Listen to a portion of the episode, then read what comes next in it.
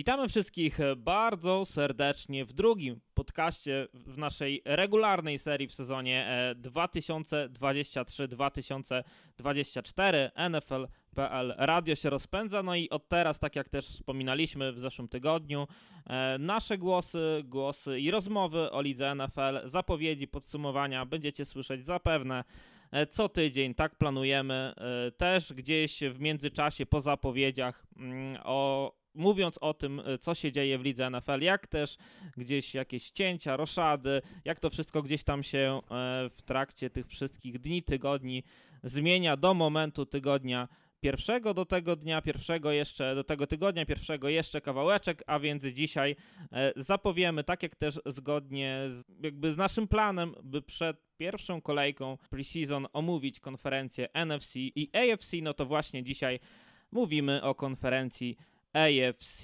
a dzisiaj wita Was skład e, Witek Cebulewski. Cześć. Maciej Zając. Cześć. Hubert Gawroński. 85% Was nadal chcą słyszeć Broncos Country. Let's ride. A ja nazywam się Karol Potaś. E... Jak, jak, to zostało policzone? Chcę poznać metodykę e... badania. Jest to była, Zamówione, za, zamówiona ankieta tak zwana. A, rozumiem. Wyniki już, wyniki już się taki, przy takim zamówieniu Hubert y, dostaje od razu, czy trzeba poczekać na nie chwilę? Nie no, Hubert wysyła jakie mają być. One są, się zapłaci, to od razu. Wiesz. One są na bieżąco tutaj na, na tym naszym e, Spotify'u. Tutaj e, ludzie mogli głosować. Wstawiłem taki, takie pytanie głupie, żeby, żeby zaangażować naszych słuchaczy. Bo ja nie wiem, może, może chcą mnie zabić, bo ja to mówię tak już drugi rok. E, ale nie, jednak nie. Jednak chcą słyszeć Póki będzie to przynosiło Broncos takie same sukcesy jak w zeszłym roku, możesz to Tak, tak jak, zaczną wygrywać, jak zaczną wygrywać, to, to będzie brzmiało nie, to, to... i ja absolutnie tego nie będę robił. Tak, wtedy zmieniamy absolutnie wajchę, coś trzeba jakąś inną klątwę wymyślić, ale na dzisiaj Broncos Country jest skuteczne i, i bardzo Ci Hubert e, za to z Maćkiem e, dziękujemy. Ale zanim e, o, zanim o zapowiedziach, to bardzo ważna informacja. Bardzo serdecznie dziękujemy naszym 17 patronom za ogromne wsparcie, w szczególności Maćkowi Krzywdzie oraz Przemysławowi Nowakowi, którzy wspierają nas w najwyższym progu wsparcia na serwisie Patronite. Jeśli chcielibyście dołączyć do naszych 17 wspierających, dołożyć cegiełkę do rozwoju naszego portalu i tego wszystkiego, co tworzymy, to pamiętajcie, że można to zrobić już od kwoty 7 zł, a szczegóły znajdziecie jak zwykle w opisie naszego odcinka bądź w komentarzu pod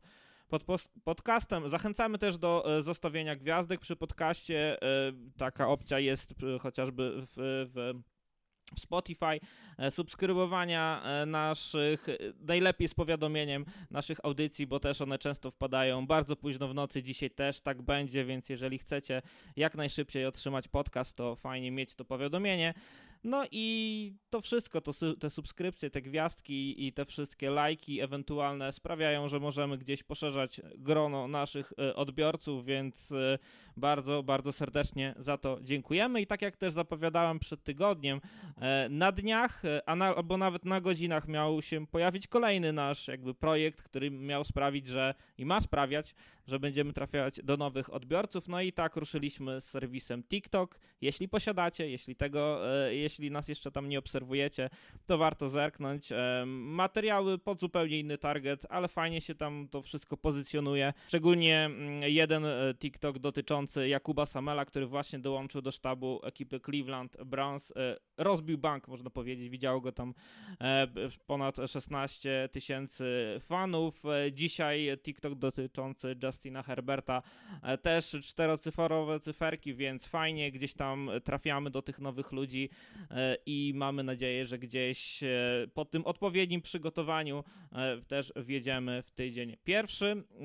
I tyle słowem wstępu i przechodzimy do takiego jeszcze nie mięcha, ale już w futbolu, bo za nami Hall of Fame Game. Browns wygrali z Jets 21 do 16. No i o dziwo, jak wszyscy mówią, a to mecz bez znaczenia, nikt tego nie będzie oglądał, przynajmniej w Polsce bardzo często.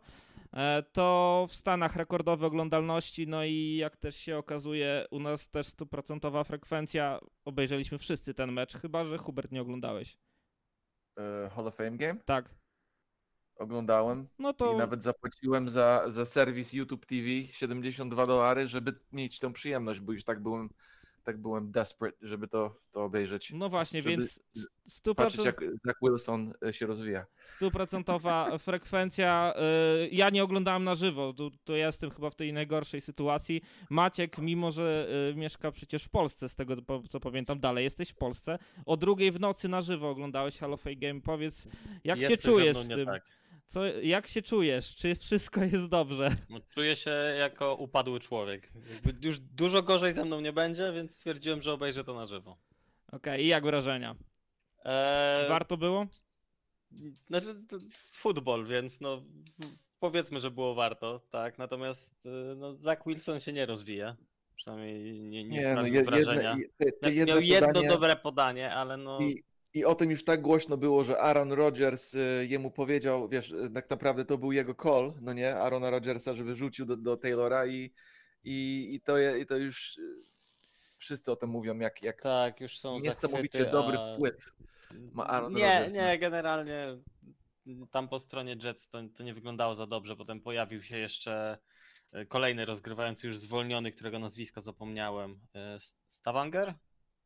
Steve Stravenger, tak. I Stavanger, on, tak. To, to, to jest człowiek, który gra tak znakomicie, że on dał mi wiarę, że ja mogę zrobić karierę w NFL. jak Ale on, on, on go, pamiętacie, w poprzedni off-season, o poprzedni preseason miał jakiś taki świetny z tego co pamiętam. miał niezły i nawet y, On nawet coś pograł w sezonie mecz. zasadniczym w Jets, tak. Tak, tak. I, I bo właśnie Zach Wilson tak źle grał, że go wsadzili. I były momenty, gdzie- on normalnie drużynę jakby y, no, ruszał w, w dobrym kierunku. Tam był, był, jeden, był jeden rzut, który dokonał, gdzie jakby rzucił go trochę lepiej, to byłby touchdown. Tylko nie pamiętam przeciwnika ani, ani cokolwiek oprócz tego, że parę miał dobrych momentów. Więc tak. Tak, e, nie widzieliśmy oczywiście Arona Rodgersa. Widzieliśmy, jak tam jakieś wywiady sobie przeprowadzał w trakcie spotkania. Chyba właśnie wywiad był w Znaczy, trakcie ja, jestem, tego. ja jestem wielkim fanem tego plakatu, który NFL re reklamowało ten mecz. Nikt to nie zagrał. Gdzie był, gdzie był właśnie Aaron, gdzie był Deshaun Watson, gdzie był Miles Garrett. No, z pięciu ludzi, którzy byli na tym plakacie nie zagrał nikt, więc no, szanuję dobór, dobór ludzi na plakacie. Trzeba sprzedać wydarzenie. A Witku, e, jak ty oglądałeś ten mecz i ogólnie też przygotowanie techniczne, bo jak często się e, gdzieś można zobaczyć NBC, to jednak flagowa stacja NFL i, i te Sunday Night Football to, e, to, to obsługa NBC. To już widzieliśmy podczas Hall of Fame Game trochę nowej ramówki. Czy coś ci się podobało, czy ogólnie jak całe wydarzenie mógłbyś podsumować? Znaczy, ja generalnie lubię, jak wiecie, tego typu rzeczy, których nikt nie ogląda, także po cudzysłowie. Tak, ja lubię, te, ja lubię Hall of Fame, lubię mecze preseason, lubię Pro Bowl, niezależnie czy jest Pro Bowl e, w tej starej, starej, starej wersji, czy tej nawet e, ośmieszonej wersji, czy tej e, flagowej wersji, także łykam to wszystko, więc e, mi się podobało. E, Ja w ogóle lubię tego typu rzeczy, które gdzieś się odwołują też do historii, no bo dla mnie Pro e, Hall of Fame Game to nie jest tylko i wyłącznie sam mecz, no ale jakoś tam zawsze e, człowiek wraca do tych rzeczy, które lubi, tak, czyli gdzieś to przypomina całą e, historię, tradycję. No pewnie jeśli chodzi o, o, same rzeczy związane z, e, krótko z tym meczem, no to powiemy, bo, bo pewnie już przed wejściem na, na, na, przed wejściem na antenę Ma, Ma, Maciek mówił, że parę takich on, e, postaci się fajnie zaprezentowało, szczególnie ten chłopak z UCLA, e, który jest e, Tak, E, rozgrywający Dorian Thompson Robinson. Tak, Bardzo, bardzo sympatyczny. Bardzo fajnie, fajnie, fajnie, fajnie w biegu, fajnie on the run.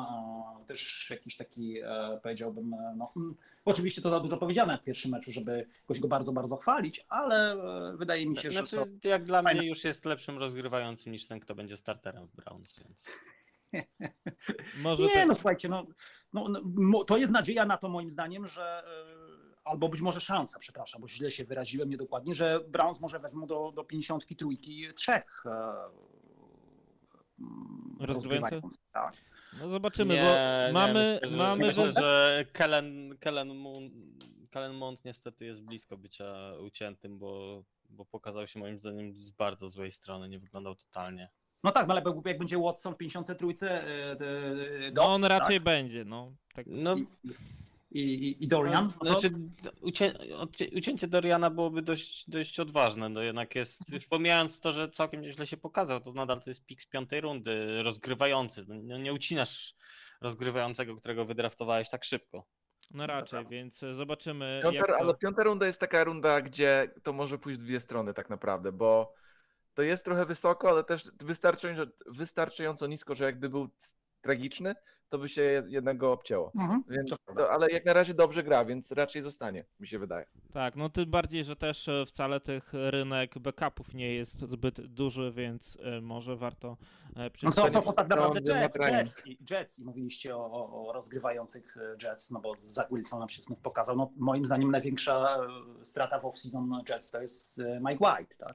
Y, A ja znów y, uważam, że po tym Hall of Fame Game największa strata Jetsów to McD Beckton. Podobno miał zagrać 12 zagrywek, zagrał tylko 6 i znowu jakiś uraz, że coś tam zakuło i ściągnęli go coś tam w kolanie.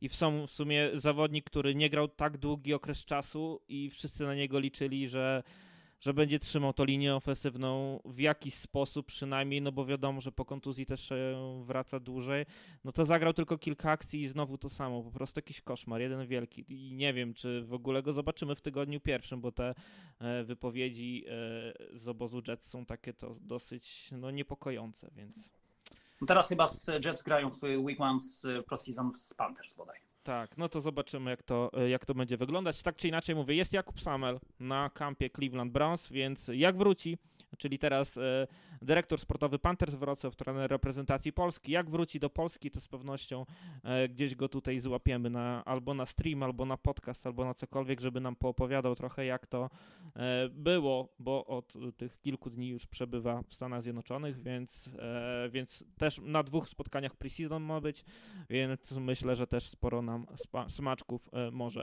I zrobi scouting. Tak jest, tak jest.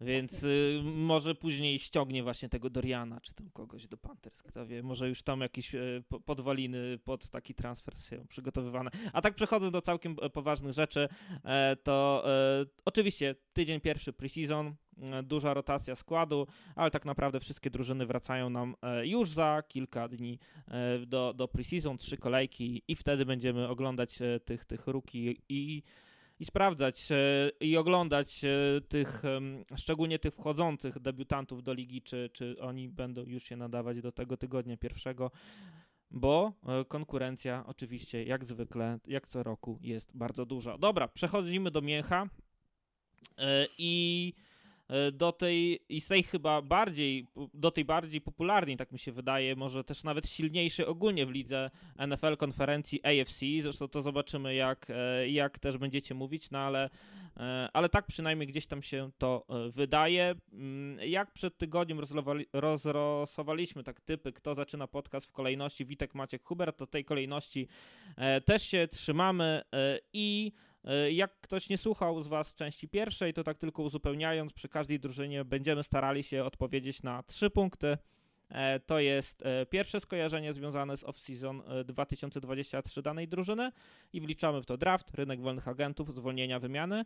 E, Drugi podpunkt to, czy ta drużyna ma wszystko, by być lepszą względem bilansu niż w 2022 roku i chodzi nam tylko o, e, o bilans e, czy rekord fazy zasadniczej. No i e, trzeci punkt to, na co cze- szczególnie czekacie w danym zespole i może to być na przykład rozwój jakiegoś zawodnika, być na przykład, nie wiem, przedostatni sezon danego zawodnika w karierze i może też w lidze NFL, tak nieco wyprzedzając fakty, możecie się domyślić, że chodzi mi tutaj o pewnego dżentelmena od niedawna zamieszkającego e, Nowy Jork. E, To może być też coś, co, na co ktoś może tam czekać, ale o tym powiemy, jak już dojedziemy do ekipy New York Jets.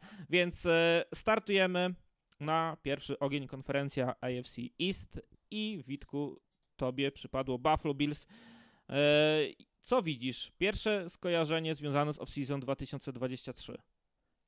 No, wiesz co, jakiegoś takiego no, wielkiego skojarzenia nie mam. Ja myślę, że e, to jest dla mnie to, to, takie pierwsze powiedziałbym e, myśl, to jest raczej bym stwierdził, że to jest jakaś próba, nie wiem, kontynuacji, tak, tego co się działo.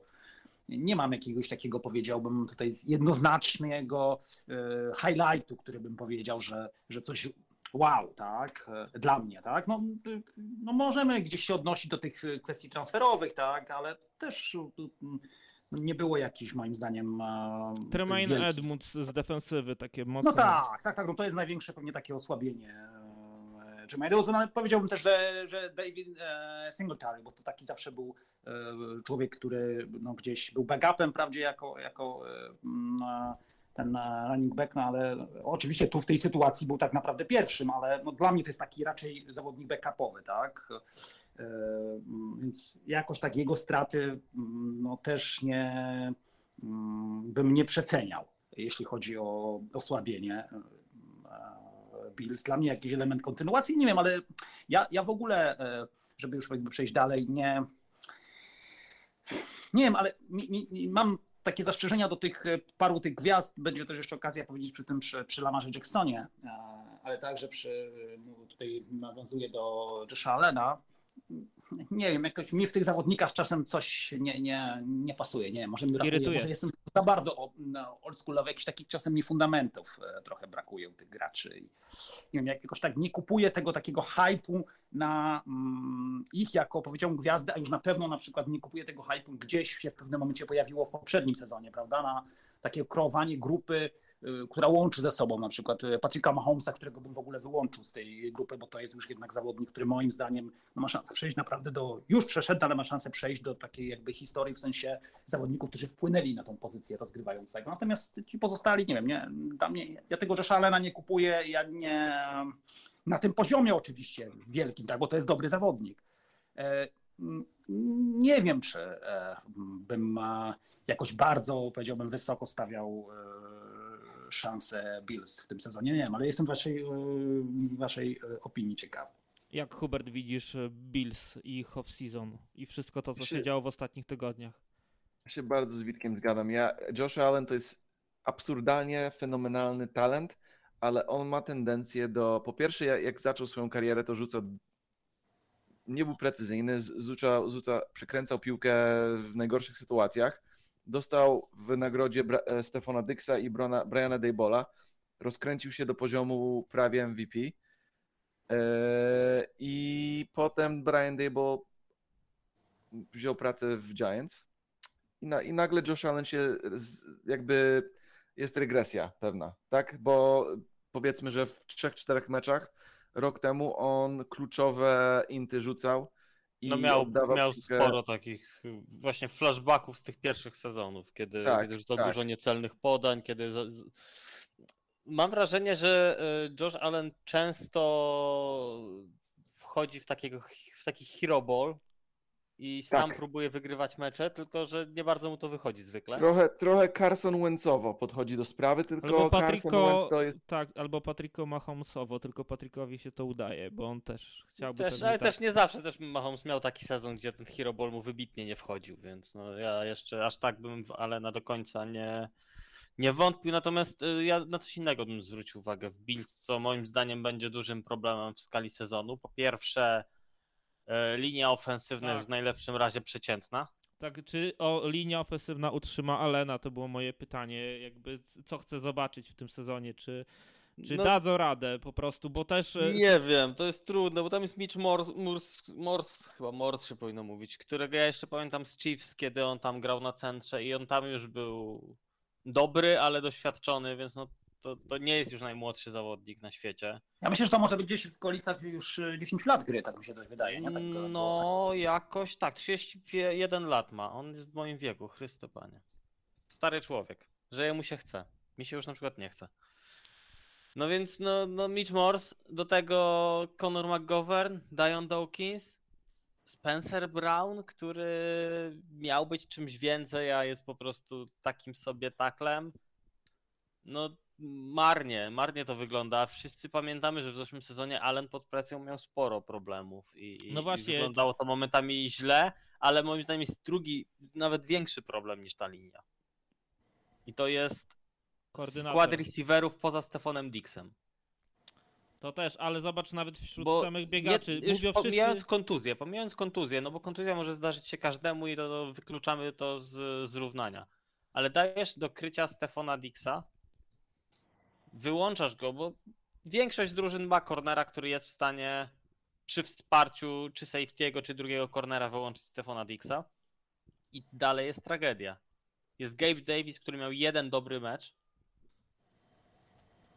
i w związku z tym został wielką legendą. Jest Trent Sheffield, a dalej są jakieś losowe nazwiska z generatora losowych zawodników. No jeszcze tak z takich, chociaż nie wiem, czy w ogóle się to przebije do składu, ale jak zerkam teraz sobie na ten roster, to widzę, że jest tam jeszcze zawodnik e, z nazwiskiem Izabela, Andy Izabela, czyli zawodnik tak, Andy Izabela, który się odbił od od Cardinals. Card Cardinals, tak. Mm, No jest, jest oczywiście Dawson Knox, no i kwestia tego, na ile rozwinie się Dalton Kincaid, no bo to jednak y, świeżutki pik z pierwszej rundy draftu, ale Dawson Knox miewał lepsze i gorsze momenty, ja bym tak w 100% mu nie zaufał jako takiej opcji numer dwa podaniowej, a pewnie tym będzie musiał być.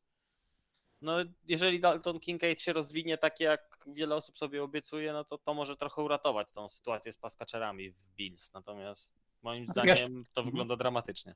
No ja się zgadzam z Maćkiem. Myślę, że tutaj patrząc na tą sytuację tego, tego receiver corps, to w przypadku tego, tej grupy, no to tutaj osłabienie, znaczy brak e, odejście czy Jamisona Crowdera, czy, czy McKenzie'ego, to są jednak e, straty, tak? Patrząc na to, czym obecnie dysponują. Znaczy myślę, że może Buffalo Bills jeszcze jakiegoś weterana podpiszą, ale mimo wszystko to o co się gdzieś, gdzieś czytałem, że, że gdzieś tam niektórzy przymierzali do, do, ale to jeszcze przed odpoczęciem kampów, e, Kenego Goladeya przymierzali do Bills. No właśnie, więc może jeszcze gdzieś ktoś tutaj trafi. E, Ale też nawet jeśli chodzi o biegaczy, to e, wszystko teraz jest na plecach Jamesa Cooka, który mówi się, że e, świetnie prezentuje się na kampach, ale to wszyscy prezentują się świetnie na kampach. Każdy ma taką samą opinię. Doszedł e, Damian Harris e, z, z, z New England Patriots, no i później spadochroniarze Latavius Murray i Darrington Evans. No zobaczymy, jak to będzie e, wyglądać gdzieś. No i kontuzja chyba Heinza, prawda? Bo Heinz chyba kontuzję złapał, a to mógł być... Tak. Tak. No, Tak. on przede wszystkim był game changerem, jeżeli chodzi o special teamy, bo on tam naprawdę dużo, dużo zrobił, żeby, żeby Bills wyglądali lepiej w zeszłym sezonie. Tak, no i no zobaczymy, jak to gdzieś tam się będzie układać. Moim zdaniem, e, jakby też duży problem to jest po prostu brak e, koordynatora ofensywnego, który naprawił Josha Allena tak naprawdę, bo Brian Dobol skleił Josha Allena do kupy. E, I, jest fantastyczny Ken Dorsey. no i to może być jego ostatni sezon, w związku z tym, że jest tak fantastyczny jako ofensywny koordynator. Ale hej, hej, zapomnieliśmy o tym, że, że nie ma Leslie Frasera, prawda? Już. No właśnie, więc no to, to się też gdzieś mówię e, nakłada, ale moim zdaniem czy Josh Allen e, może, e, czy, czy będzie w stanie grać lepiej, to to pewnie będzie niż w sezonie 2022, to będzie gdzieś pewnie definiować to, czy Bills będą grać lepiej, bo dywizja nie jest łatwa, a no jak mówicie, jak będzie gwiazdorzył, no to sorry, może to nie wyjść. No ale dobra, to przechodząc już tak do, od ogółu do, znaczy od szczegółu do ogółu, ogólnie podsumowując e, stan e, i rekord 13 zwycięstw i 3 porażki Bills to był zeszły rok. E, Jak Hubert to widzisz? E, czy to może być lepszy rok dla nich, czy, czy, czy będzie im trudno to utrzymać, czy będzie gorzej? Ja myślę, że będzie trochę gorzej. Mm, Biorąc pod uwagę, że Jets są lepsi i Patriots będą trochę lepsi, to już w dywizji będzie trochę ciężej. E, Jak, e, jak mówiliście o skrzydłowych, to Gabe Davis nie jest aż taki zły. On miał najlepszy rok, e, sezon swojego, swojej kariery krótkiej. Miał 800 yardów, 7 touchdownów i to było w 15 meczów, więc tak naprawdę to prawie 1000 yardów, jakby grał każdy mecz. Więc ja go uznaję jako OK dwójka. Nie, nie elitarna, ale OK dwójka, ale ja myślę, że to będzie 11, tak między 10 i 12 wygranych. Troszeczkę gorzej. Okej, e, Maciek, na co czekasz szczególnie? Co chciałbyś zobaczyć w tym roku? Ten Kincaid?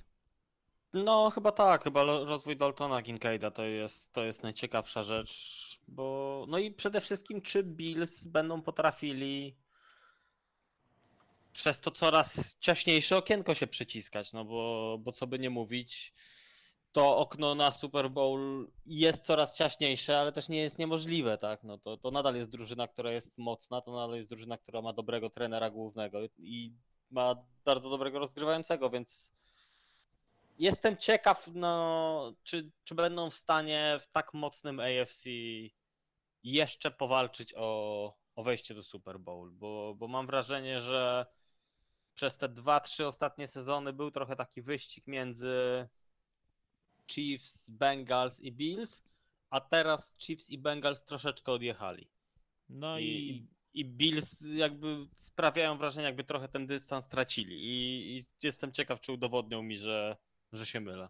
No i w międzyczasie gdzieś z boku dosiadły się jeszcze inni, dosiadli się jeszcze inni No, kandydaci. Tak, tak, Więc ale e, oprócz tych, co wymieniłeś, chociażby nawet New York Jets, Miami Dolphins, e, będziemy ja, mówić o tych Ja z. New York Jets poczekam do, do sezonu, bo pamiętam, co się w zeszłym sezonie mówiło o e, takim, takiej małej drużynce z, z Denver, więc Jest chyba z Wisconsin, chyba też. to już no, nie aż tak. Ja myślę, że bardziej ta, ta z Denver, która miała to iść po Super Bowl, a skończyła jak skończyła. Okej, no to Maciek, przechodzimy do tej mieściny e, z, niejakiej, e, z, jak, z niejakiego miasta Miami, bo do ciebie e, należy ekipa Miami Dolphins. Pierwsze skojarzenie związane z off-season?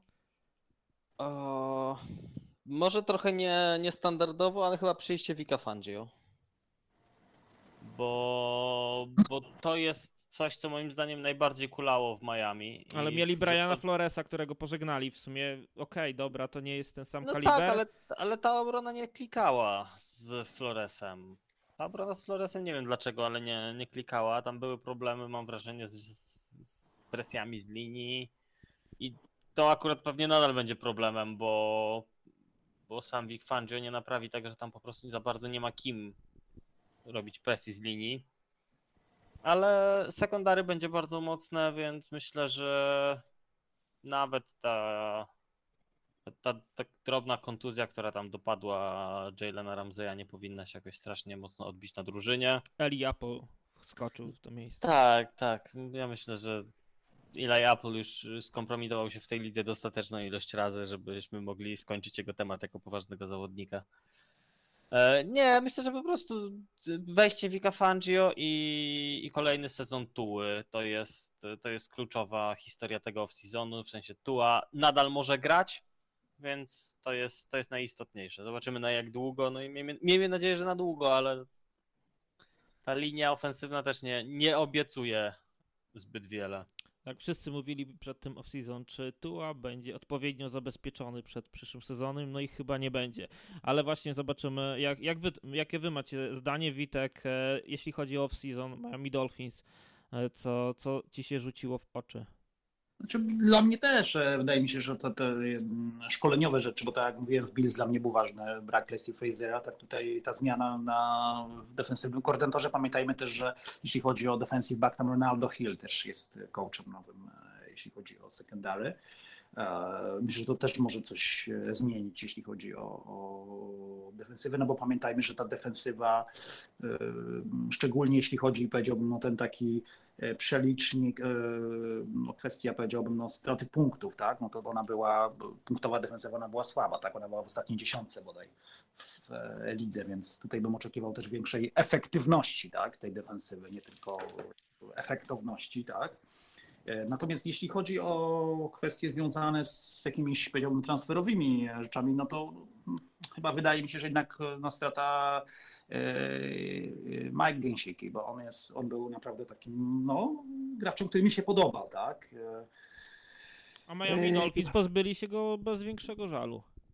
Tak, ale no, może to nie jest, y, to zobaczymy jak to będzie uzupełnione, tak, i jak to będzie w rzeczywistości uzupełnione, tak, bo wiemy, że jeśli chodzi o, o tych zawodników, no to przecież jest tam ten e, Graham Smitey, tak, bo on, bo on teraz będzie prawdopodobnie jakimś zawodnikiem, który mm, może być wyjściowym, jest, jest Elijah Higgins, jeśli chodzi o tight Nie, no Miami nie ma tajenda po prostu. No, Nie, nie no ma. tak, no próbują, tak, no, no, no wiesz, no, y, nie wiem, jak czasem tak jest, że wydaje nam się, że ktoś, kto wcześniej był Ja mam wrażenie, że snapy w roli tajenda będzie brał, nie wiem, Alec Ingold i to jest najbliższe, co będą mieli do tajenda. Pozdrawiam bardzo serdecznie tego zawodnika. Bar bardzo dobry fullback, jeden z niewielu One jeszcze żyją? e, No, dwu, ze dwóch w lidze jest. I Alec Tak. Ingold jest jednym z nich i myślę, że on akurat w, w ofensywie Mike Daniela będzie sobie całkiem sympatycznie radził, zwłaszcza, że no jednak ta obrona przeciwko Miami będzie musiała się dość głęboko cofać, bo, bo Waddle z Hillem będą ją rozciągać jak marzenie. I to tutaj nie ma wątpliwości. No właśnie, Maciek, y, Maciek, Hubert, przepraszam, y, jak, jak to z twojej perspektywy wygląda? Jak widzisz Miami, to co widzisz? Ja widzę drużynę, co może spokojnie być w Super Bowlu albo skończyć z, z rekordem 3 i 14. Y, To wszystko będzie zależało od quarterbacka. Jak Tua będzie żył, No to jest Mike White, to jest spoko, że sobie podpisali jego, bo on może utrzymać drużynę na parę meczy, ale Ale- Dla, dlatego nie biorę tego 3. Dla mnie dół, nawet bez tuły, to jest jakieś, nie wiem, 7-8 zwycięstw, bo Mike White jest wystarczający. No, no okej, m- masz rację, może powinienem powiedzieć tak 5-6, to ja, ja bym tak to powiedział, ale jakby nie było, no tight end nie mają, ale jak masz Jalen Waddle i Tyreek Hill, to oni nadrabiają za każdych tight endów i jeszcze. Em, obrona jest dobra, przecież e, jeszcze sobie podpisali, czy tam wymienili e, po Jalena Ramsey'ego, który chyba ma kontuzję, czy nie ma? Tak, tak, no ale to będzie No tak, ale prawdopodobnie na, na sezon ma być gotowy. na sezon Okej. gotowy. Więc e, ta drużyna jest gotowa w tej chwili. To jest jedna z tych drużyn, co jest gotowa w tej chwili uderzać na Super Bowl i cokolwiek mniej niż na przykład półfinał, to, to powinien być em, jakaś forma porażki, bo naprawdę oni wszystko tutaj mają, jak chodzi o, o talent, tylko trzeba to wszystko skleić i, i wyruszyć na boisko, się modlić, żeby Tua nie, nie dostał e, kontuzji, bo jego następna kontuzja może być jego ostatnia kontuzja. On w off-seasonie słyszałem, że tam trenował jakieś jiu-jitsu, że niby to ma mu pomóc w upadaniu i tak dalej, ale no, te, te, te, te uderzenia, gdzie nie widzisz skąd przychodzą, są najbardziej jakby groźne i to jednak NFL serwuje na e, talerzu w codziennym, e, co- codziennym tygodniu, więc No próbują Stop. chyba, e, nie udało się ofensywnej linii wzmocnić, to tam go chcą zawalić running backami do potęgi, bo nie dość, że już ich teraz jest sporo, to jeszcze tam kolejnych chcą, chcą ściągać, chyba że, e, więc e, może to jest jakiś sposób, żeby on nie biegał, po prostu tylko stał jak statua i rzucał, ale nie wiem, czy o to chodzi. Nie wiem, to, to wszystko będzie zależało od jak ułożą sobie ataku i tak dalej. Jakby nie było, talent jest, tylko zdrówko oczywiście, ja powtarzam to na każdym podcastu, futbol jest wygrywany na linii defensywnej i, ofe- i ofensywnej, więc jak nie będzie miał czasu, to yy, nieważne kto tam jest na skrzydle i kto, kto co robi, ta, ta drużyna upadnie, ale rok temu pokazali, że jednak mogą, że, że to jest atak bardzo eksplosywny i, i jak Tua będzie yy, zdrowy, to myślę, że to będzie się rozwijało bardzo fajnie. A tak z ciekawości wrzuciłem sobie depth e, chart Miami Dolphins, jak to teraz wygląda, jeśli chodzi o ich starterów w linii ofensywnej. Już widzę, że Teron Armstead ma literkę Q, czyli już ograniczony trening, więc też... No Teron Arms- Armstead, Liam Eichenberg, Ale jeszcze nie grał. w- Robert wiesz, Hunt, no. Austin Jackson, może Christian Geron, ale no jeżeli na prawego takla dadzą Christiana Gerona, który był w Kansas City, bo on nawet nie grał tam, no to to jest proszenie się o katastrofę, bo Christian Geron był na tyle fatalny, że on w słabych liniach Kansas City nie grał. No No, wtedy, no, wtedy no. to zmienia, to zmienia totalnie atak, no nie? Te, te rzuty muszą być szybsze, bliższe i jednak e, defensywa może jakby troszeczkę się lepiej przygotować na to, co będzie, bo nie mają linii. tak, Więc więcej no, blitzów, e, szybciejsze tu, rzuty, rzuty mniej eksplozywnych zagrań. e, No, to, właśnie- słuchajcie, ale kickera mają za to solidnego. tak, No tak, kicker e, Je- Jest, jest, jest Jake Bailey, więc. to Panther, przepraszam, a. Jason E, Sanders. przepraszam, Jason tak, Jason Sanders. Chyba, że Bardzo, Jake... bardzo Ale solidny, bardzo Jake. Bailey jako Panther też bardzo solidny, to ja już tak odruchowo. Też, też również. To prawda. Okej. E, Tak tylko jeszcze sobie W ogóle zerknąłem. special teamy Miami są fajne, bo Tak. Braxton Berrios też jest przecież teoretycznie WR-em, ale to tam pewnie będzie głównie rolę returnera pełnił. I to jest fajny nabytek akurat, tak. Tak, no i może na skrzydle, jeżeli będzie trzeba kilka piłek złapać, to też złapie. Widziałem jeszcze w tej ofensywnej linii e, w off-season pozyskali Isaiah Wina, czyli byłego e, zawodnika New England Patriots. E, Nie wiem, czy to jest jakaś e, tam... Jak parę razy rozmawiałem z Kubą y, Kazulą, to też twierdził, że to nie, no, no wzmocnieniem to on by tego nie nazwał. No tak, no ale gdzieś tam kogoś do rotacji przynajmniej e, dorzucili. No zobaczymy. Zresztą była bardzo długa dyskusja, czy on do Raiders nie trafi, bo tam wszystkich ściągali e, po kolei z Patriots, e, aby tylko miał odpowiedni paszport. E, Boston, okej, ściągamy, ale, ale jego jednak e, oszczędzono, więc myślę, że coś chyba musi być z nim nie tak, skoro jednak go e, Mike Daniel nie wziął. E, Dobra, e, to przechodzimy właśnie do Patriots, skoro o Patriots mówimy. E, Pierwsze skojarzenie z off-season Hubert. No tutaj już się jakby sprzęgli wcześniej Witek, że, że Mike Gesicki, a jak to jest u ciebie? Ja myślę, że Bill O'Brien jest największym plusem, nie zawodnikowym, ale naj, jeden z największych, bo Mac Jones się spoko rozwijał. To był, to był zawodnik, który w rookie sezonie wziął drużynę, która z tego co pamiętam nie miała i nie chcę nie chcę tego y, jakby źle zapamiętać, ale chyba tam nie było jakichś fenomenalnych skrzydłowych, bo oni chyba nigdy nie miają fenomenalnych skrzydłowych, ale wzięli, wziął kupę takich dwójek i trójek do, rozgry, do, do playoffów. I, i, I ten atak ich wyglądał jakoś. A potem Bill Belichick wpadł na genialny pomysł, że Mike Judge, ten Mike Judge, który Joe Judge. Quarter, Joe Judge, który e, robi, quarterback sneaka robił ze swojej dwudziestki przeciwko Eagles, e, czy tam przeciwko, to było po prostu absurdalne, żeby odkopać piłkę. To, to jest tak, taki głupi to był ruch, że jestem w szoku, że Bill Znaczy, Belichick pod, na to wpadł. podobno, ten, podobno ten call z, z tym QB sneakiem przy 3,10 był od Jasona Garretta, ale to, to też jest te, ten kaliber trenera, od którego mnie to nie dziwiło. No i jeszcze doda, do, dołożyli do tego Matt Patrysi, który jest de, defensywnym koordynatorem, więc nie mie, mieli dwóch ziomków, którzy nie mają pojęcia o ataku i dali, mu, dali im atak, więc wiadomo, że Mac Jones się rozpadnie. Yy, Defensywa Patriots będzie wyglądała super, bo oni zawsze wyglądają super. To jest coś, co Bill Belichick po prostu w czym on specjalizuje, tak? Więc Christian Gonzalez yy, yy, do, No w właśnie, to 17 też jest. piku, piękna e, sprawa. Też musimy, znaczy sobie to zapisałem, co chcę szczególnie zobaczyć, to Christian Gonzalez, dlaczego on spadł aż do 17 piku, co z nim jest nie tak, bo wszyscy się tak zachwycali i nagle inni kornerzy szli przed nim, więc musi być jakaś skaza, ale na razie o niej nic nie widać, nic nie słychać, więc może trzeba poczekać do sezonu. Ja, ja osobiście nic nie czytałem złego na ten temat, to może nasz ko- kolega Kuba Kazula będzie mógł kiedyś e, uzupełnić nam tą informację, ale z, z tego, czy on spadł tylko przez to, że na przykład Seahawks wolali e, Devin, Devin Witherspoon, Witherspoona, ale to nie przez to, że może on po prostu może lepiej pasował do ich systemu, coś takiego, nie, że Christian Chyba tak, bo, bo tam też właśnie e, przecież wybierali e, Commanders chyba niedaleko i oni też nie wybrali Gonzaleza.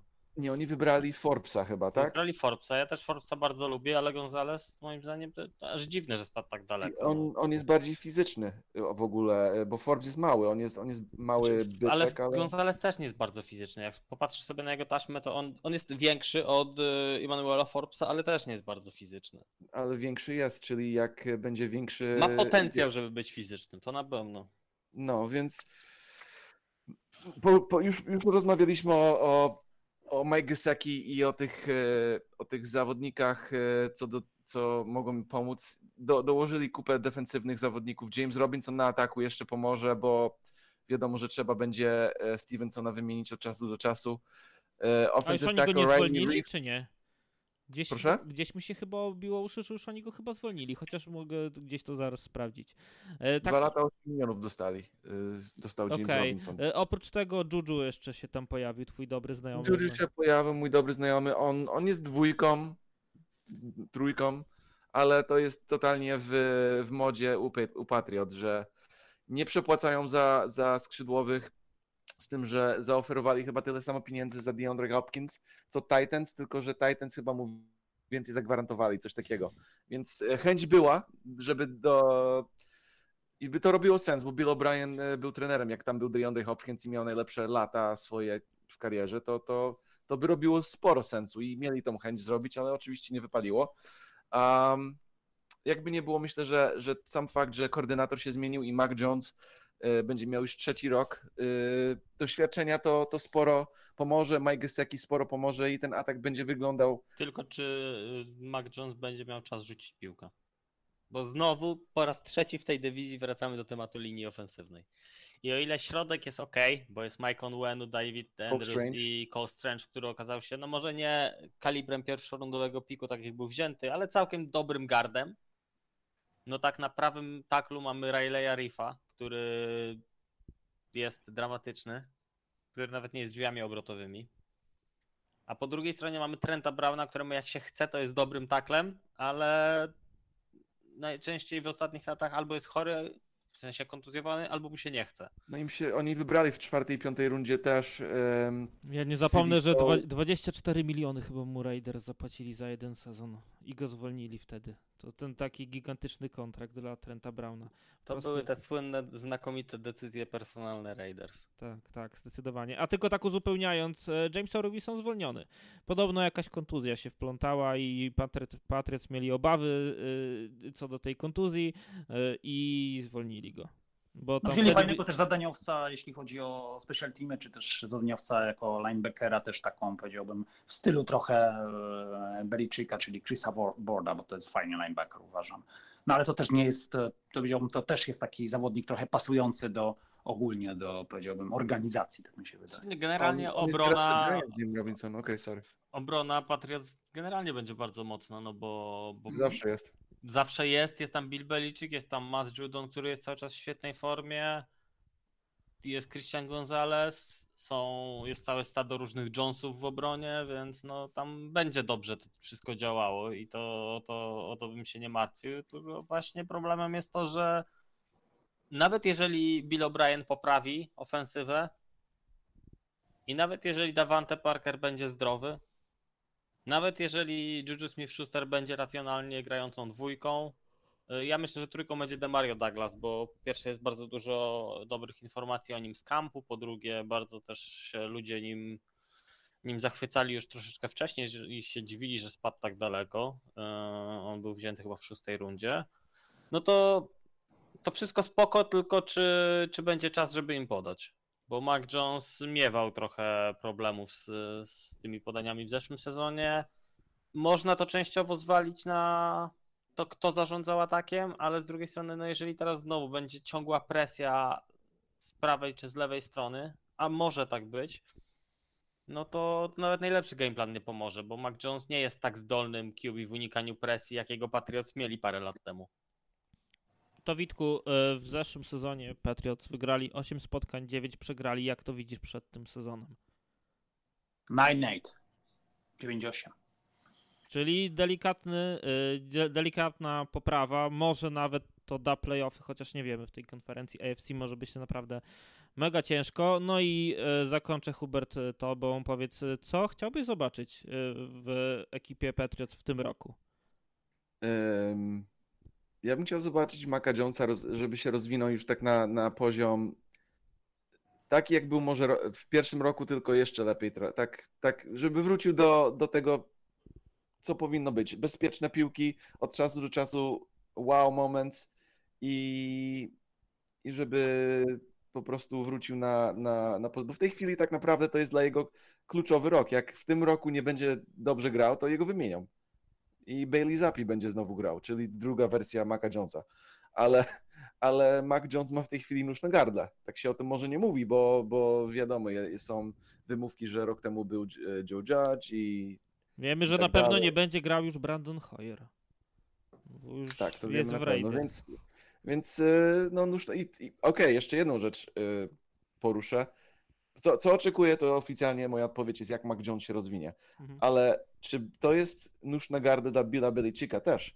Bo sporo się w mediach słyszy, a szczególnie tu, że no jak, jak ten sezon nie pójdzie według planu, czyli rozgrywki może troszkę dalej, to Bill Belichick może nie, też... no ale y, kto zakończy racjonalnie karierę? przy tym, przy tym Brian składzie, pa, kto racjonalnie przy tym składzie Patriots oczekuje od nich wejścia do playoffów i czegoś więcej? Są w dywizji, w której Robert Kraft. no nie, Robert Kraft. O Robercie Krafcie można mówić różne rzeczy, ale nie jest głupim człowiekiem, więc no nie, nie sądzę, żeby patrząc na to, co ma w składzie, oczekiwał y, nie wiadomo jakich rzeczy. Ale w, w którym momencie w, w tworzeniu tego składu, y, gdzie Bill Belichick ma totalną władzę nad wszystkim, trzeba jego trzymać za odpowiedzialność, że nie podpisał DeAndre Hopkins, nie dał mu więcej kasy po prostu. Że jak da, już jakby da, byście dali mu Maca, Mac, dla Mac Jonesa DeAndre Hopkins, to wiadomo, że od razu półeczka wyżej jest, są oczekiwania. Po co, po co sklejać tą drużynę z dobrej, zarąbistej defensywy, a dawać y, ataku tak zero wow. Dremondre Stevenson. No ale nie no. To on jest odpowiedzialny za stworzenia Patriots- tego wszystkiego. Patriots nigdy nie, nie słynęli z wow ofensywy, w sensie kupowania nie wiadomo jakich nazwisk, tak? No bo, no bo wow był Tom Brady, ale już nie ma Tom Brady, trzeba inaczej trochę podchodzić do sprawy. Mieli Antonio Ja- Browna, no jak, nie było wow? No Randy Moss też chyba przez jakiś czas, prawda? No tak, Był ale no, Randy to Moss, już- Antonio Brown, no tak, by, by, były, by, Ren, tak. Randy Moss dawno temu, a Antonio Brown to była personalna prośba Brady'ego, więc... No, więc jakby nie było, w tej chwili y, Bill Belichick musi troszeczkę odpowiadać za decyzje, nie tylko jak chodzi o, o, o jakim jest trenerem i, i rekord, ale jak składa drużynę, żeby w ogóle był sukces. I on, on ma sporo odpowiedzialności na sobie i mi się wydaje, że wiadomo, to jest najlepszy trener w historii NFL, y, tak się o nim mówi oficjalnie, ale, ale przychodzi taki moment przejściowy, gdzie może NFL, jak chodzi o atak i, pomysł, jak atak powinien wyglądać, po prostu może jego trochę przerósł, może no, on zobaczymy teraz za... nowy koordynator, więc e, myślę, że e, trochę O'Brien to wszystko ogarnie. No, e, mimo wszystko wydaje mi się, że jest sporo jakości w tej defensywie i, i, jak Ramondre będzie grał tak, jak grał w zeszłym sezonie, to ten wynik będzie. Tylko ta ofensywa musi być w jakiś sposób lepsza I, niż była. I jeszcze jedną rzecz, ja wiem, że Kuba na pewno y, tutaj uzupełni, ale możecie, może wy pytacie. Y, czy Bill Belichick chciał, żeby został jest Mike Judge czy Joe Judge? Joe Judge, tak? Joe Judge. Joe Judge i Matt Patricia, żeby zostali jako ofensywni koordynatorzy? On chyba chciał, żeby zostali. I on był zmuszony, żeby wziąć nowego. Mi się tak wydaje, Tak, jak dobrze pamiętam. gdzieś tak coś też mi się kojarzy, że, że, że Kraft Jednak go... on chciał zostać z tym, co jest.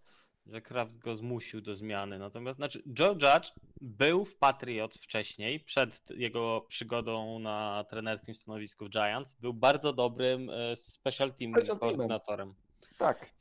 Więc gdyby tam go Bill Belichick wrzucił, totalnie zero zdziwienia. Natomiast no No tak. nie wiem jaki jest sens trzymania go jako... Znaczy to jest moim zdaniem bardzo duży problem z Billem Belicickiem, bo o ile tak jasne, on jest fantastycznym trenerem i i lista jego sukcesów jest naprawdę olbrzymia i niesamowita, to Rodzina na swoim. rodzina na swoim mocno. To są po prostu zdecydowanie pro, program wsparcia swoich y, bardzo, bardzo mocno. No właśnie. E, A tak tylko śmiechłem, że Brian Hoyer nie będzie grał na rozgrywającym, bo e, gdzieś mi się rzuciła jakaś e, statystyka, jak ludzie się tam zachwycają na kampach, że Brian Hoyer tak świetnie gra, lepiej jak Jimmy Garoppolo. Do Raiders jeszcze przejdziemy, ale, ale jego już nie ma. Witku, jeszcze coś chciałbyś dodać o Patriots? Znaczy ja myślę, że mają to jeden też duży plus, że rzeczywiście ta dwójka no, rozgrywających, powiedziałbym, no gdyby się odpukać coś stało z um, um, Jonesem, no to myślę, że ten Zapi też będzie w stanie grać. No. Tak, ale też chyba można się zgodzić, że jeżeli Mac Jones zagra dramatyczny rok, to, to raczej w przyszłym roku e, będą celować Patriots w rozgrywającego. Okej, przechodzimy do e, kolejnej ekipy, która już raczej w, w rozgrywającego celować w przyszłym roku nie będzie. Ekipy New York Jets. Witek, e, najważniejsze wydarzenie off-season. no co takiego tam się zdarzyło, bo powiedzcie mi, co, co, co tam było w tym w tych Znaczy tam w? Nowym Jorku, w Giants to się... W Giants, Knoxów ich wzięli. tak, w Giants się trochę działo, ale w Jets tak nie kojarzę. W Jets, no może, może strata Mike'a White'a, żeby cały czas być monotematyczny. Tak, tak, tak. Może, może podpisanie absolutnie wszystkich receiverów, którzy kiedykolwiek przechodzili obok Lambeau Field? Y, Tak. Jest opcja taka, albo po prostu tych, których No i no, no, i przepraszam, ma... Joe, Fla, Joe, Joe'a Flacco też strata była. To jest taki ogromny void pozostał po nim, pustka. Tak, tak. A kto tam będzie rozgrywał? Wiemy w ogóle, czy jeszcze to się nie rozstrzygnęło, Witku? No wiesz, trwa, trwa podobno walka na kampie. Wiesz. No. No właśnie. A tak całkiem poważnie, ten gentleman, który nam e, nie dawał spokoju przez dłuższy okres czasu, o którym gdzieś tam na wstępniaku mówiłem, Aaron Rodgers e, melduje się w Jets i co ciekawe, nawet po przyjściu do Jets obniżył sobie kontrakt, żeby drużyna podobno była lepsza i można było powalczyć o Super Bowl, więc no to właśnie. mnie bardzo zdziwiło, że on wziął mi kasy, jak mam być szczery. To mnie bardzo zdziwiło, bo to jest ziomek, który generalnie do tej pory był tylko zainteresowany z wyciśnięciu jak najwięcej pieniążków, tak? On wiele razy w Green Bay nawet tam marudził e, pod różnymi względami, tam gadał o już e, emeryturze i tak dalej, tylko żeby wycisnął więcej, wycisnąć więcej kasy. A szczególnie jak był taki moment, gdzie chyba Jordan Love się nie rozwijał tak do końca i, i jakby no, było, był taki moment, gdzie, gdzie dali mu jakąś umowę absurdalną. No i teraz nagle jest w Jets i okej, oddaje 35 milionów dolarów, nie 3, nie 7, 30 kurde 5 milionów dolarów żeby mogli mieć więcej e, możliwości podpisywać innych zawodników, żeby wzmocnić drużynę. Co to nam mówi? Witek, co to nam mówi? Powiedz, powiedz mi. New York, New York. Tak jest. Doświadczony Witku, powiedz mi, co to może znaczyć? To tylko może znaczyć w mojej ocenie, w mojej Żeby skromnej łatwiej się zmieścił w salary capie Vikings za rok. Też, ale że chcę wygrać w Jets teraz. To jest co to znaczy. No, być najlepszym w historii rozgrywającym Jets, przynajmniej ostatnich lat. I tu konkurencję ma całkiem nie aż tak mocną, więc. No, No, żeby być po prostu żadnej. pierwszym e, po- Joe Namathie, którego ktoś będzie pamiętał, tak. No, naprawdę. znaczy Marka Sancheza też się pamięta, ale raczej nie. Oczywiście, tak, tak. Z różnych, z różnych rzeczy, ale no y, generalnie rzeczywiście, no Jazz nie, nigdy nie, chociaż byli zawodnicy, których można było lubić, prawda, ja mam i tam Winego Testaverdi, tak, E, to byli często bardzo solidni, fajni gracze, tak, i też często fajni ludzie. Vinny Verdi był ogólnie zn- uznany jako jeden z głupszych zawodników w historii, bo rzucał absurdalną ilość interceptions, ale przy, jak był w- Jets pod Bill, Parcells, to miał karierowe lata. Po prostu Tak. w półfinale był raz w Denver i prawie wygrali 20 do 10. Pamiętam jak było wczoraj. I, i ten mecz był chyba, to był remis do, do połowy. Ale, ale tak, to Vinny T to jest jeden z takich historycznych postaci tutaj w Nowym Jorku w Jets. No właśnie, i Witku, y, ten off-season, Aaron Rodgers się, pojawił. Czy coś jeszcze y, jakby poszło za tym ruchem, Twoim zdaniem, co sprawi, że ta drużyna będzie lepsza niż, y, niż była w zeszłym sezonie? No wiadomo, że ten rekord 7-10, no raczej to podciągnął z Aaronem, ale tak patrząc trochę na te ostatnie występy Aarona w Green Bay, to wcale nie musi być taki automat. Nie musi być, no ale jednak, no słuchajcie, no Rodgers y, gwarantuje taką pewną, powiedziałbym, na pewno upgrade, tak. Ja Znaczy się- ja, ja co do Jets mam jedno ale i będę go używał przynajmniej do week 3, a potem się zobaczy. O Russellu Wilsonie mówiliśmy to samo. A Russell Wilson jest młodszy. to, to, to rzeczywiście Russell. I- Russell. Wilson, Russell Wilson jest totalnie innym zawodnikiem. On bardziej polegał na nogach i taki jego umiejętność do rzucania piłek dobrych, tak czysto do rzucania nie jest nawet w tej samej galaktyce co Aaron Rodgers. Więc tu już No nie, jest wielka też różnica. Nie przesadzaj, Russell rzucał naprawdę dobre Nie, piłki. Dobre, ale porównaj jego umiejętności do Aarona Rodgersa. To, jest, to są dwa inne zawodniki. Na pewno w pakiecie też tak, tak, to, to, to jest zdecydowana różnica. Aaron jest lepszym pocket passerem, ale czy jest... Aaron w szczycie formy jest naprawdę dużo lepszym yy, QB niż Russell Wilson w szczycie formy? Serio? No zobaczymy, naściągał Nie, sobie... nie, nie, nie, nie, to jest, to jest inna, to jest inna konwersacja, bo wiesz, tam w Denver też ten trener wszedł w grę, to by w ogóle miał być trener A y, który, jest Rodgersa, defe- bo, który jest teraz ofensywnym koordynatorem Rodgersa? Aaron Rodgersa, więc Denver chcieli Rodgersa tak naprawdę i wyszło odwrotnie i musieli to jakoś skleić i się nie skleiło. Ale mi się wydaje, że to, co mówił e, Hubert, jest istotne. Myślę, że ten klub, nawet jeśli mówimy o tych dwóch postaciach, chyba e, to, co ich moim zdaniem będzie od, i odróżnia, tak mi się wydaje jednak, to motywacja. Dla mnie w pewnym momencie trochę Russell e, jakby stracił motywację, tak mi się wydaje trochę.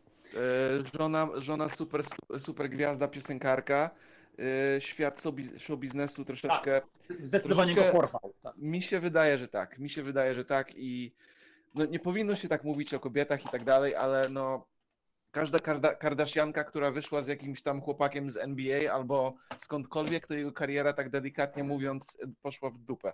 Więc e, to ma wpływ.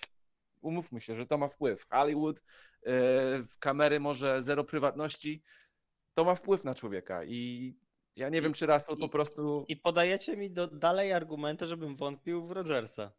Bo teraz jest wielkie New York City zamiast małego Green Bay. e, HBO Aaron na Rodgers treningach. Jest, ta, jest HBO na treningach. Aaron Rodgers już od jakiegoś czasu się odklejał. E, ayahuaski, krainy ciemności i inne miejsca, w których siedział. No sorry. To No zobaczymy. dokładnie tak samo. E, I jeszcze jeden, to też e, Nie zdziwię porównywaliśmy... się, jak się będę mylił i Aaron Rodgers będzie grał tam świetnie, bo jest po prostu znakomitym rozgrywającym, ale pozwolę sobie, póki tego nie zobaczę, pozwolę sobie wątpić, bo, bo trochę dałem się nabrać na Russella i nie chcę dać się nabrać drugi raz. Tak, a jeszcze a propos właśnie tego porównania Russella i Arona, to em, też Aaron może mieć całkiem niefajną sytuację, jeśli chodzi o linię ofensywną. E, Zupełnie podobnie miał Russell Wilson w Seahawks. I on jakby przechodząc do Denver- Broncos wydawało się, że będzie miał lepszą linię ofensywną i że sobie lepiej będzie radził. Tak to nie zagrało, natomiast tutaj z tej najlepszej, czy jednej z lepszych e, linii ofensywnych Green Bay Packers przechodzi do takiej dosyć przeciętnej New York Jets, jak jeśli Magdy Beckton jeszcze nie będzie grał, no to też może być tam słabo, więc e, czy Aaron w swoim wieku m, no pewnie już po swoim prime będzie dalej potrafił ciągnąć ten zespół. Zobaczymy. Ja wierzę jakby w ekipę e, Jets, że też poprawią ten swój e, bi- bilans 7 zwycięstw, 10 porażek z zeszłego roku, e, ale mimo wszystko wydaje mi się, że nie w tym sezonie, że jeżeli będą mocni, to może za rok i tutaj A jeszcze... czy, czy Mackay zagrał w tym, bo ja nie zwróciłem uwagi. Zagrał. snapów zagrał. Miał zagrać, chyba, kilka. miał zagrać chyba 12, a zagrał chyba Mhm. 6 i po szóstym już coś tam zakuło i go ściągnęli. O Boże, okej. No No i więc to mają przecież też starszych zawodników, przecież ten Dwayne Brown to ile on już, on, on będzie koło 40 miał pewnie, nie? No. E, więc to też jest... on tam jeszcze przecież w Seahawks chyba był, jeżeli dobrze Tak. pamiętam. Tak, także oni mają tutaj na y, też sporo takich... e, 37 lat. Ewentualnie tak, tak, doświadczonych e, zawodników, powiedziałbym łagodnie mówiąc, doświadczonych. No zobaczymy też kto, nie wiem kogo typujecie na, na backupa dla e, Rogersa. Jednak Wilsona? Myślę, że jednak Wilson, no bo no nie bardzo jest wybór. No co, Tim Boyle, który jest Nie, nie, nie. No. stary i słaby, czy nie wiem, Czy ktokolwiek. nawet nikogo nie ma, bo tego Stavangera zwolnili. No tak, ale no zobaczymy, jak to będzie e, wyglądać. E, no to Hubert, co chciałbyś zobaczyć, jeśli chodzi o Jets w tym roku? No ja myślę, że to co każdy, każdy człowiek liczy na to, że Aaron Rodgers weźmie drużynę do, do rozgrywek i dalej. Bo ta drużyna jest gotowa tak naprawdę na Super Bowl.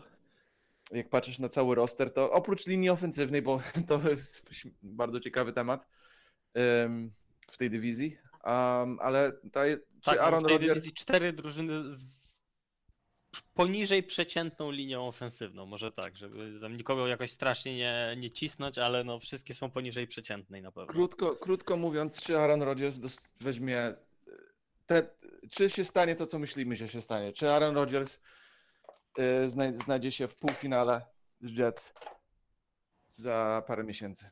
Tak, i czy Allen Lazard będzie skrzydłowym numer jeden, jeśli chodzi o Jets?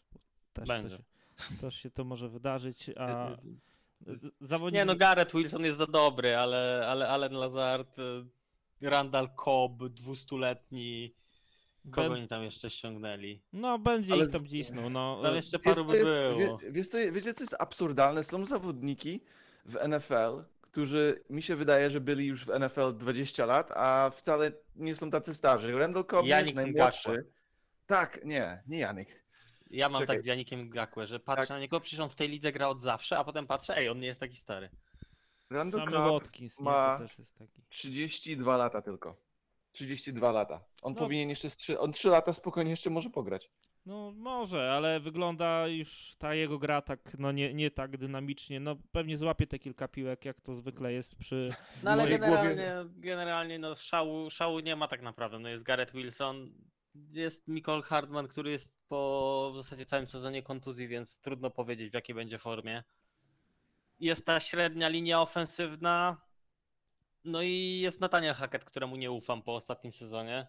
Więc jakby jest dużo rzeczy, które sprawiają, że trudno jest mi uwierzyć w sukces, dlatego będę z dużą ciekawością oglądał Jets, czy, czy ten projekt wypali po prostu. Tak, a tym bardziej, że teraz skoro pojawił się tam Aaron Rodgers, to sporo meczów prime-time'owych. Ja akurat I też z tego powodu się jest cieszę, jedna bo... rzecz, jeszcze jest jedna rzecz. Yy, Tajent z siódmej rundy, Zach Kunz, którego bardzo chętnie będę oglądał, czy, czy działa, bo Zach Kunz to jest człowiek, który jak się patrzy na jego testy sprawnościowe plus warunki fizyczne, to jest jakąś bestią, bo no, on te wszystkie cyferki robi tak absurdalne, jak na pozycję Tajenda i jak na te warunki fizyczne.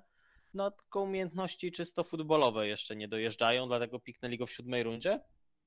Ale jestem ciekaw, jak się rozwinie, bo, bo to jest człowiek, który ma duży potencjał.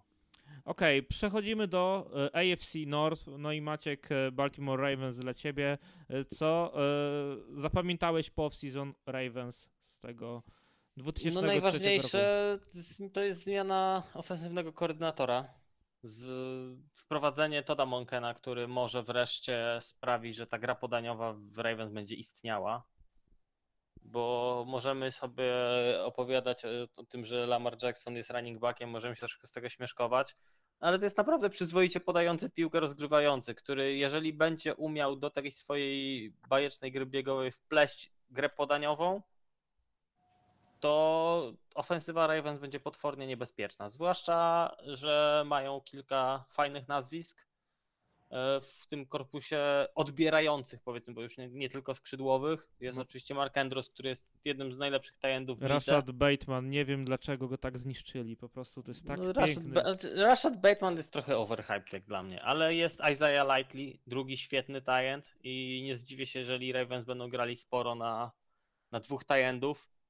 Jest Odell Beckham Jr., jeżeli będzie zdrowy oczywiście, no bo to, to wiadomo, że Odell to jest wielki talent, ale zdrowie tam w ostatnim czasie jest powiedzmy, że umiarkowane. No i jest Zay Flowers wybrany w tym roku w drafcie, też bardzo duży talent, bardzo ciekawy skrzydłowy, który na pewno będzie pomagał Russellowi, bo czy on będzie takim czystym slotem, nie wiem, ale na pewno będzie, będzie to wszystko fajnie wyglądało. E, Też jednak Ravens grali trochę tych e, formacji na dwóch tajendów i myślę, że to to będzie się powtarzało, bo tak jak mówię, Andrews, Likely to są świetne, świetne nazwiska. I myślę, że Todd Monken to jest osoba, która tą grę podaniową bardzo poprawi. Jedyne co mam, gdzie mam jakieś wątpliwości, to jest coś, co nie spodziewałem się, że kiedykolwiek powiem o drużynie Ravens, bo oni zawsze byli w tym akurat bardzo mocni, no to jest linia defensywna. Bo tam jest są ludzie i, i, i tyle. Jest Odafe Ołech i jest Jason Madubike i to w sumie tyle. Może David Ojabo, jeżeli wróci w jakiejś sensownej dyspozycji. No tam szału nie ma na tej linii i oni będą mieli duże trudności z, z wywieraniem presji, a to w tej dywizji może być bardzo, bardzo potrzebne, bo tam jest paru ciekawych rozgrywających, którzy nie lubią jak się na nich wybiera presję. To prawda. E, Dla mnie to zdecydowanie koniec też dramy z tym Lamarem Jacksonem. Już wiadomo, że dostał kontrakt, że będzie spokój i, i że Ravens e, będą gdzieś się obudowywać, e, jeśli chodzi o ich przyszłość e, z Lamarem jako rozgrywającym. A jak to jest u was, Witek? Nie wiem, ale ja, ja- tutaj zacząłem to mówić przy Josiale i powiem też, nie wiem, ja, ja też nie, ja, też coś mi nie klika, jeśli chodzi o Lamara e, Jacksona cały czas, tak? E, Ja nie wiem, czy to jest zawodnik, który, no czy to, to oczywiście, no ktoś może powiedzieć, no wiemy jacy zawodnicy wygrywali Super Bowl, tak? I to, to nie znaczy, że trzeba być jakimś e, zawodnikiem perfekcyjnym, broń Boże, żeby Joe wygrać. Flacco, taki dobry znajomy z Ravens, a propos Ravens. tak, ale nie tylko, przecież Falls. y, Można by wymieniać, bo przecież to, to, to nie ma co teraz y, opowiadać, ale także często rozgrywający z kolei, którzy danego sezonu nie mieli dobrego, a akurat wygrali tytuł, więc to też tak można opowiadać. Nick Foles.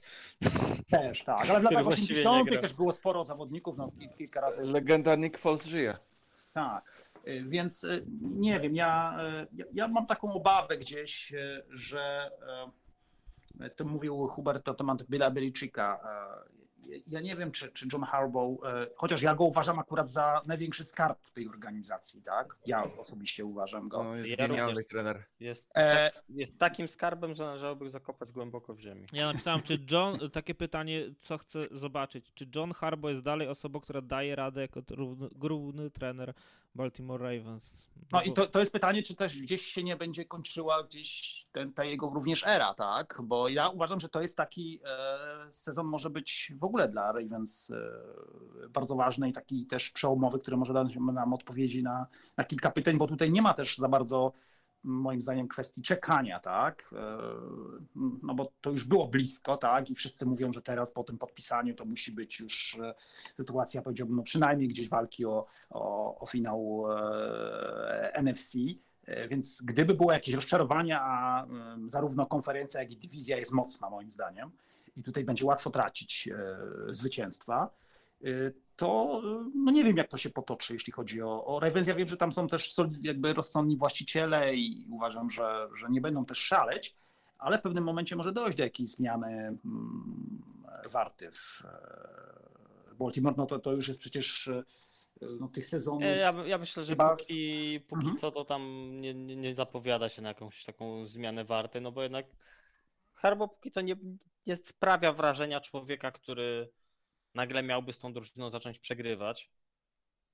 A no nie wiem, no jeżeli tam jest nastawienie na to, że oni są drużyną, która powinna wygrywać Super Bowl, no to nie jestem pewien, czy to jest odpowiednie nastawienie w tej chwili. No właśnie, i czy, czy będą też czekać, no bo jednak kontrakt Lamara Jacksona o czym świadczy, że jakby chcą spieniężać ten kontrakt jakimś sukcesem, a wiemy co się dzieje teraz w samej, nawet ich e, dywizji, nie mówiąc o konferencji, więc wcale nawet te Ja- playoffy nie muszą być Znaczy, takie pewne. Wejście się do zgadzam. playoffów powinno być dla nich w miarę może nie Automatyczne. proste, może, nawet, może niekoniecznie, no bo jakby jeżeli zakładamy, że wchodzą z drugiego miejsca, tak? Czyli jednak wildcard. No to chętnych do wildcardu trochę jest, więc no nie powiedziałbym, że automatyczne. Mogą Natomiast nawet z trzeciego spróbować wejść, bo też nie wiemy co z Cleveland. No nie, myślę, że z trzeciego, znaczy nie, nawet nie, nie że z, nie, nie, nie o Cleveland, że jakiś problem, tylko bardziej, że z trzeciego miejsca już po prostu się mogą nie zmieścić. No właśnie, więc... jest za dużo chętnych w AFC na playoffy, żeby myślę, że żeby trzecie miejsce wchodziło. To prawda, to prawda. No zobaczymy, jak to będzie wyglądać. To Hubert, e, szybkie typowanie. 10-7 to był rekord e, Ravens e, w sezonie 2022. Lepiej będzie, gorzej?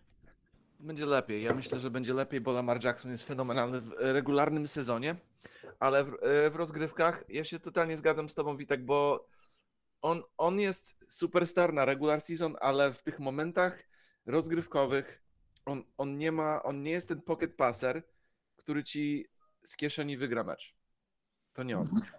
I, i, I ja myślę, że mimo to, że teraz ma więcej skrzydłowych, to wszystko będzie działać pięknie w sezonie regularnym, aby było zdrówko, ale w momencie, kiedy drużyny zaczną jakby bardzo planować ostro w rozgrywkach i będą trzymali jego w kieszeni, w kieszeni to, to tutaj on się nie rozwija do końca. On ma, on ma tendencję do rzucania piłki za późno, za wcześnie. Dlatego moim y, zdaniem bardzo ważne jest przyjście Toda Monkena, który naprawdę ogarnia grę podaniową i jeżeli on nie naprawi gry podaniowej Lamara, to To już może nikt. nie powiem, że nikt, ale to ciężko będzie znaleźć kogoś takiego, który jest dostępny.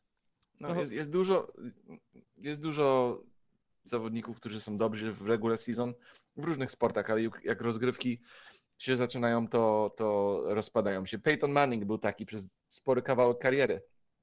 Super w regular season, rozgrywki roz, rozwalał się totalnie. Więc to nieraz bierze czas, ale ja po prostu technicznie u Lamara nie widzę tego postępu, przynajmniej jeszcze, jak powiedzmy u Jelena Herca, gdzie te podania są tak precyzyjne regularnie z kieszeni, że można na jego liczyć. No właśnie, Witku, ostatnie trzy słowa e, o Ravens. Co chciałbyś zobaczyć w tym sezonie 2023? No właśnie chcę zobaczyć, czy, czy rzeczywiście no, uda się mu dokonać tego postępu Lamarowi Jacksonowi, czy on może być rzeczywiście takim zawodnikiem, na którego można ufać, jeśli chodzi o taką, powiedziałbym, normalną e, grę podaniową. Tak? Czy to jest zawodnik, Mhm. który no, będzie dokonywał postępu w tej mierze, bo mi się wydaje, że to jest klucz do tego, żeby Ravens myśleli o czymś więcej. Jednym z ich głównych rywali, jeśli chodzi o, o dywizję AFC North, będzie ekipa Cincinnati Bengals. No i tutaj Hubert e, wjeżdżasz e, z, z, z wydarzeniem off-season e, w Cincinnati. Co to jest dla ciebie? sorry, wydarzeniem off-seasonu dla Bengals. Um, no w mojej ocenie to jest ta kontuzja, co Joe Burrow złapał, bo to już jest kolejny rok, gdzie, gdzie jego ko- kontuzja y, łapie w, no, na początek sezonu. Rok temu to był wyrostek, co no, człowiek nie kontroluje, kiedy dostaje wyrostek, niefortunne to było, ale dwa lata temu, tam trzy lata temu była, było kolano, no i teraz mamy y, coś też z nogą i to powinno parę tygodni jego trzymać na, na ławce. Y, Aby to się nie, nie ciągnęło dalej i dalej, to, to powinno być y, to powinno być ok i Cincinnati raczej powinni wygrać dywi- dy- dywizję, ale ale dla mnie to, to jest kluczowa rzecz, bo jak to jest jedna kontuzja, która będzie z nim, e, z nim zostanie, no to, to może być problem. E, Ale to jest jedyna tak naprawdę, jedyna rzecz, co mi tak jakby do głowy przychodzi z tą drużyną. Oni ogólnie są e, gotową drużyną do, do sukcesu znowu, mają skrzydłowych bardzo dobrych, mają gry biegową, mają, ta linia ofensywna chyba trochę się poprawiła. E, Rok Orlando temu Brown, zainwestowali w, Y, Do, do, do, dołączył do, do ekipy. No Jeżeli Tak, nazywamy więc- Orlando Browna jakimś poważnym wzmocnieniem. No, w więc- przypadku właśnie, Orlando Brown, no. porównując do sezonu 2022, jeszcze nie wiemy, gdzie on w sumie. Znaczy, chyba wiemy, będzie grał z lewej strony, nie na lewym taklu. Nie, no, No będzie na- lewym taklem, no bo on też właśnie szukał drużyny, która chce go na lewego takla, dlatego... Czy on tam też- poszedł, bo jego stary tam podobno poszedł. ma jakieś geny i, i dlatego, ale wiadomo o co chodzi, że. że... Tak. Nie, Trzeba było to ładnie Orlando ubarwić. Brown, Orlando Brown mam wrażenie, że jest jednym z najbardziej przecenianych rozgrywa... e, przepraszam, e, takli w lidze. Bo jak popatrzymy sobie troszkę uważniej na, na jego taśmę, chociażby z zeszłego sezonu, e, a potem zobaczymy, ile presji on dopuszczał na rozgrywającego, to jest nieporozumienie. To, to jest szok, że tak mało saków wyszło z jego gry.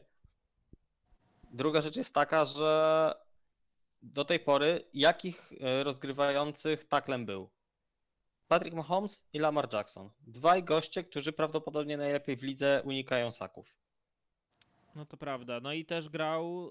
y, Popraw mnie, jeśli źle mówię, ale z prawej strony ten ostatni czas, więc też Eee, samy... nie, on z prawej grał w Baltimore. A w Baltimore, właśnie, sorry. Więc. y, Kansas całą, całe dwa lata grał jako, jako lewy tackle. Okej, no ale mimo wszystko też jest jakby, no mm, z jakiegoś powodu też gdzieś e, e, jednak to akurat Bengals dali mu ten kontrakt i wcale nie aż tak wysoki, jak się mówiło, że dostanie. No po prostu gdzieś też jakieś te wątpliwości co do jego formy No, liga, sportowej są. liga moim zdaniem słusznie ceni go trochę niżej niż on sam siebie ceni. No właśnie, więc zobaczymy jak to, e, jak to gdzieś tu się ułoży. Barrow z kontuzją, wiemy. E, Też mówiliśmy, Ja że... jeszcze tylko chciałbym dodać, że moim zdaniem to jest największe e, wydarzenie, powiedzmy, co, coś, co się nie wydarzyło, powiedzmy, jest największym wydarzeniem dla mnie w Bengals, że spóźnili się na pociąg z przedłużeniami e, rozgrywających, bo przed nimi zdążyli przedłużyć e, Chargers Herberta, Eagles e, Bengal, e, przepraszam, Ravens e, Lamara. No i w związku z tym. No i teraz jako, Chargers że- przedłużyli e, No, no ale to. swojego wiadomo. rozgrywającego. No wiadomo, więc e, Tak, ale to że, chodzi, czyli chodzi mówi, o że to, taniej to już było, tak? że taniej to już było i Każdy jeżeli będzie dorzucał. e, Joe nie da im jakiegoś bardzo dużego hometown discount, bo nie wiem, spodobało mu się w Cincinnati, chociaż nie wiem jak spaczony gust trzeba by mieć, żeby komuś się w Cincinnati podobało, e, no to no to będą musieli zapłacić naprawdę grube pieniądze, a wszyscy wiemy, że pan Brown to z szastaniem grubymi pieniędzmi na gwarancję to tak średnio stoi, więc... no właśnie, to jest e, jeden z... A jeszcze jest przecież Jamar Chase w kolejce, więc no to. I T. Higgins. Mo- I T. Higgins. Więc moim zdaniem to okienko, tak jak mówiliśmy przy Bills, że to okienko na, na Super Bowl robi się coraz ciaśniejsze. No to Bengals jeszcze nie są w tym miejscu, ale jak będą, to moim zdaniem będą mieli jeszcze ciaśniejsze to okienko. No właśnie, to też e, a propos właściciela, e, jak mówisz, właściciela Bengals, to po, podobny właśnie przypadek był przy właścicielu, właścicielu Raiders i też no jedni z najbardziej biednych, jak to można, no, można tak gdzieś nazwać, no trzeba tak to nazwać w tym świadku Znaczy, NFL. chciałbym, chciałbym być tak biedny, tak? Tak, chciałbym być tak biedny, no ale że są najbiedniejsi w tej stawce, no i nie mają kasy na gwarancję i to jest problem już y, w Raiders przecież był ten problem z Devante Adamsem, później trzeba było wszystkich innych zawodników przedłużać, ale to w ogóle nie takie pieniądze, o których tutaj teraz mówimy, bo, bo to będą zdecydowanie wyższe kontrakty, więc no zobaczymy. E, A jak u ciebie, Ja myślę, Witku? Jamar powinien przebić e, Davanta Adamsa, a Barrow, jeżeli nie da tego, tej obniżki, no to będzie najlepiej zarabiającym QB. Dokładnie. Witku, jak e, u ciebie off-season? e, Jak, Ja uważam, jak największym e, też jest rzecz, która się nie wydarzyła, czyli nie wydarzyło się odejście Luana Ruma, bo ja uważam, że to jest jeden z no, najlepszych w tym momencie koordynatorów defensywnych w lidze. I, I nawet gdybym się nie martwił tymi stratami, które no jednak ponieśli trochę w, w secondary, szczególnie mm, Bengals, bo, Jesse. Bates i Von Bao. Ale wydaje mi się, że, że Luan Ruma jest na tyle y, człowiekiem, który potrafi te, te, te schematy organizować też no i dba bardzo o fundamenty i to jest bardzo wszechstronny szkoleniowiec, który powiedziałbym różne schematy y, i, i uczył w przeszłości różnych schematów i e, e, no, potrafi to wszystko dobrze ustawić. e, Myślę, że na dzisiaj topka defensywnych koordynatorów w lidze. Więc to jest tak, więc to jest, to jest, to jest coach, który gwarantuje ogromną solidność, tak? No i cały czas zostali przede wszystkim to, co mm, zostało, jakby ten element defensywy, który jest największą siłą moim zdaniem Bengals nie tylko w grze przeciwko biegowi, ale także w grze podaniowej, czyli no, został Jeremy Pratt, tak? E, Zostali linebackerzy, został e, Logan Wilson, myślę, że Marcus Bailey też się dobrze rozwija jako, jako linebacker, także ten, ten element linebackerów, który często pomijamy w takiej dyskusji o, o, o formacjach e, defensywnych, on tu jest jakimś kluczem też do pewnej organizacji i pewnego myślenia taktycznego Luana Romo i to jest dla mnie takie najważniejsze wydarzenie, a jeśli chodzi o ogólnie, no to, to ja, ja raczej byłbym takim, no, y, jeśli oczywiście będą w stanie, a mi się wydaje, że zrobią wszystko jednak, żeby przede wszystkim e, Barrowa e, podpisać za największe pieniądze, to dla mnie to jest taki jednak rozgrywający, który e, to chyba on sam powiedział, tak, w którymś momencie, że dla niego, jeśli chodzi o okno do zdobycia tytułu, to jest e, cała kariera. No oczywiście pytanie, czy w tej drużynie, tak?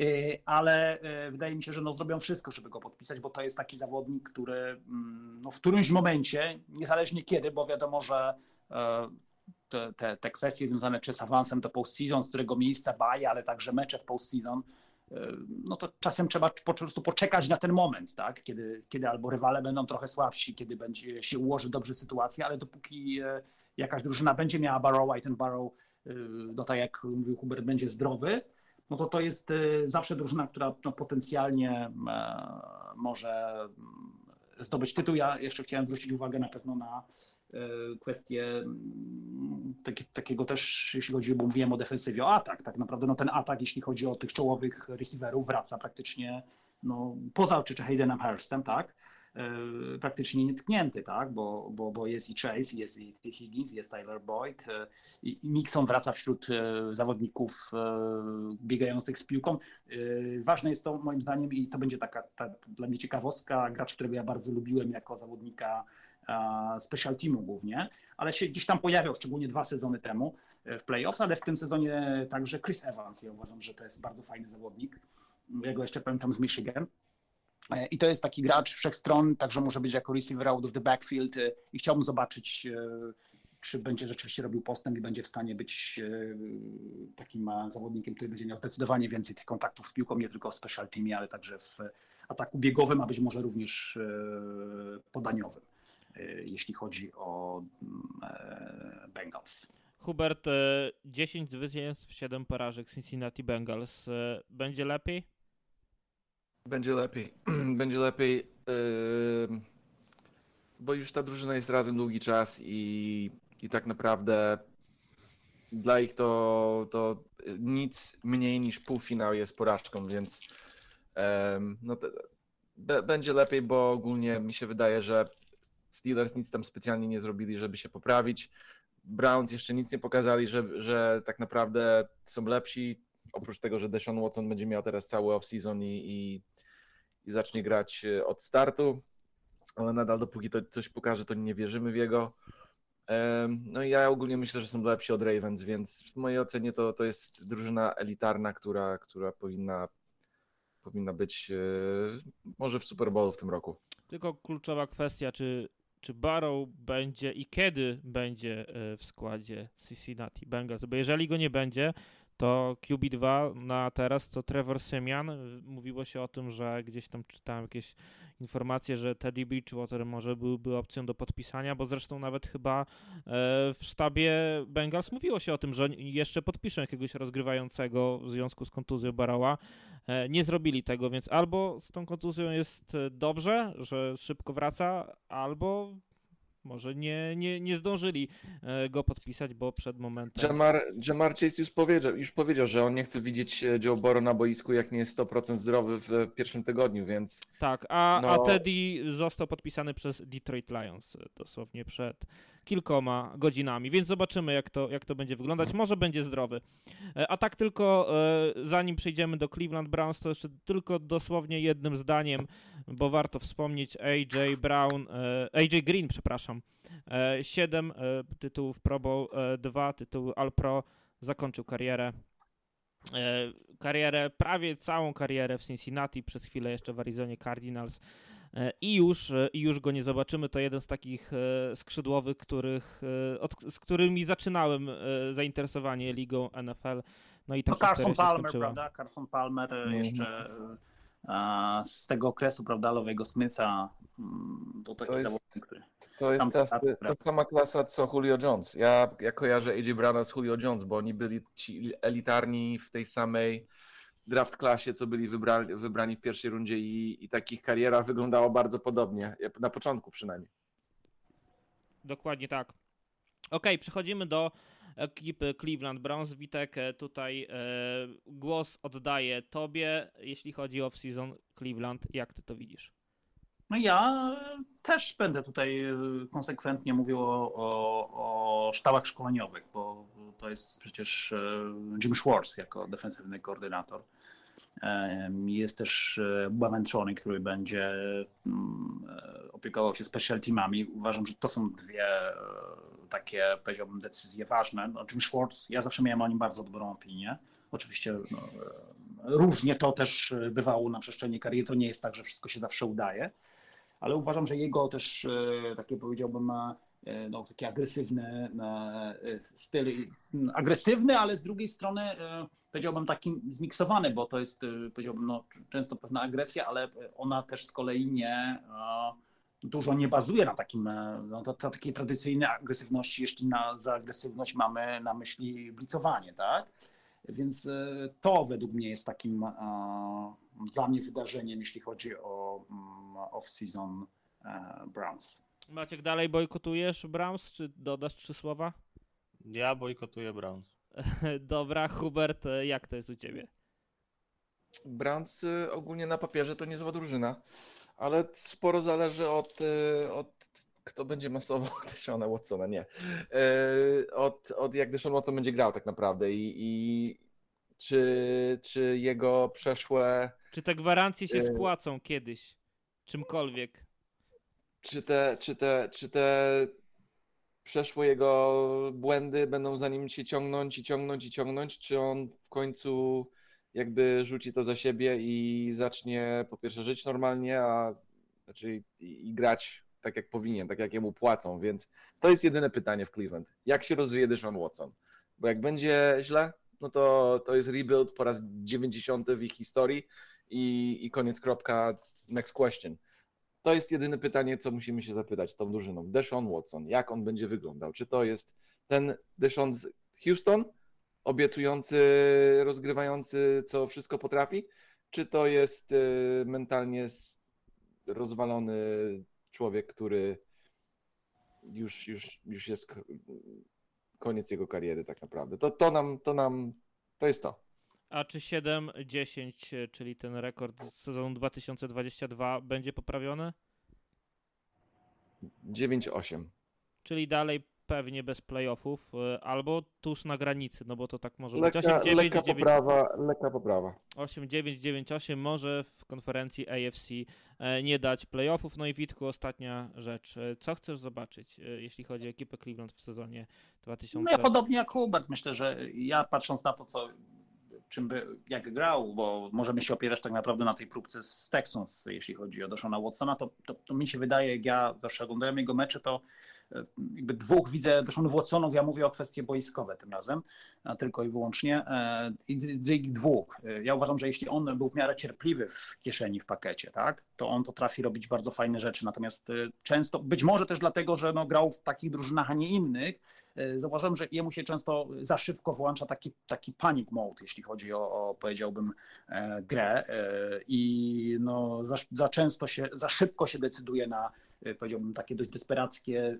jakieś rozwiązania no, związane z używaniem swoich nóg, tak? Jeśli on będzie w stanie być bardziej cierpliwym zawodnikiem, oczywiście, tak jak mówię, rozumiem, że to jest też kwestia linii i tego, czy się on czuje sam pewnie, no ale no, on też powinien no, sam z kolei wzmacniać pewność i, i, budować e, też pewność swoich kolegów, z którymi gra, więc e, to jest dla mnie takie pytanie, czy on będzie w stanie być bardziej cierpliwym, e, rozgrywającym i rzeczywiście korzystać ze swoich atutów te, wtedy, w takim timingu, kiedy to jest jakby najbardziej potrzebne, bo wydaje mi się, że to słowo timing jest cały czas, jeśli chodzi o rozgrywających, jakoś niedoceniane, bo dużo mówimy o, o, prawda, o precyzji, o, o o kwestiach związanych z siłą ramienia i tak dalej.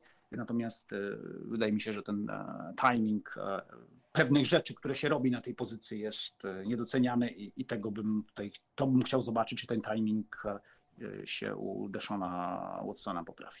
Tak, a ja chciałbym, to tylko taka osobista sympatia ex byłego zawodnika Raiders, żeby Amari Cooper miał fajny sezon, bo zasługuje na jeszcze kilka e, fajnych akcji, które gdzieś tam się e, będzie wspominać w sezonie.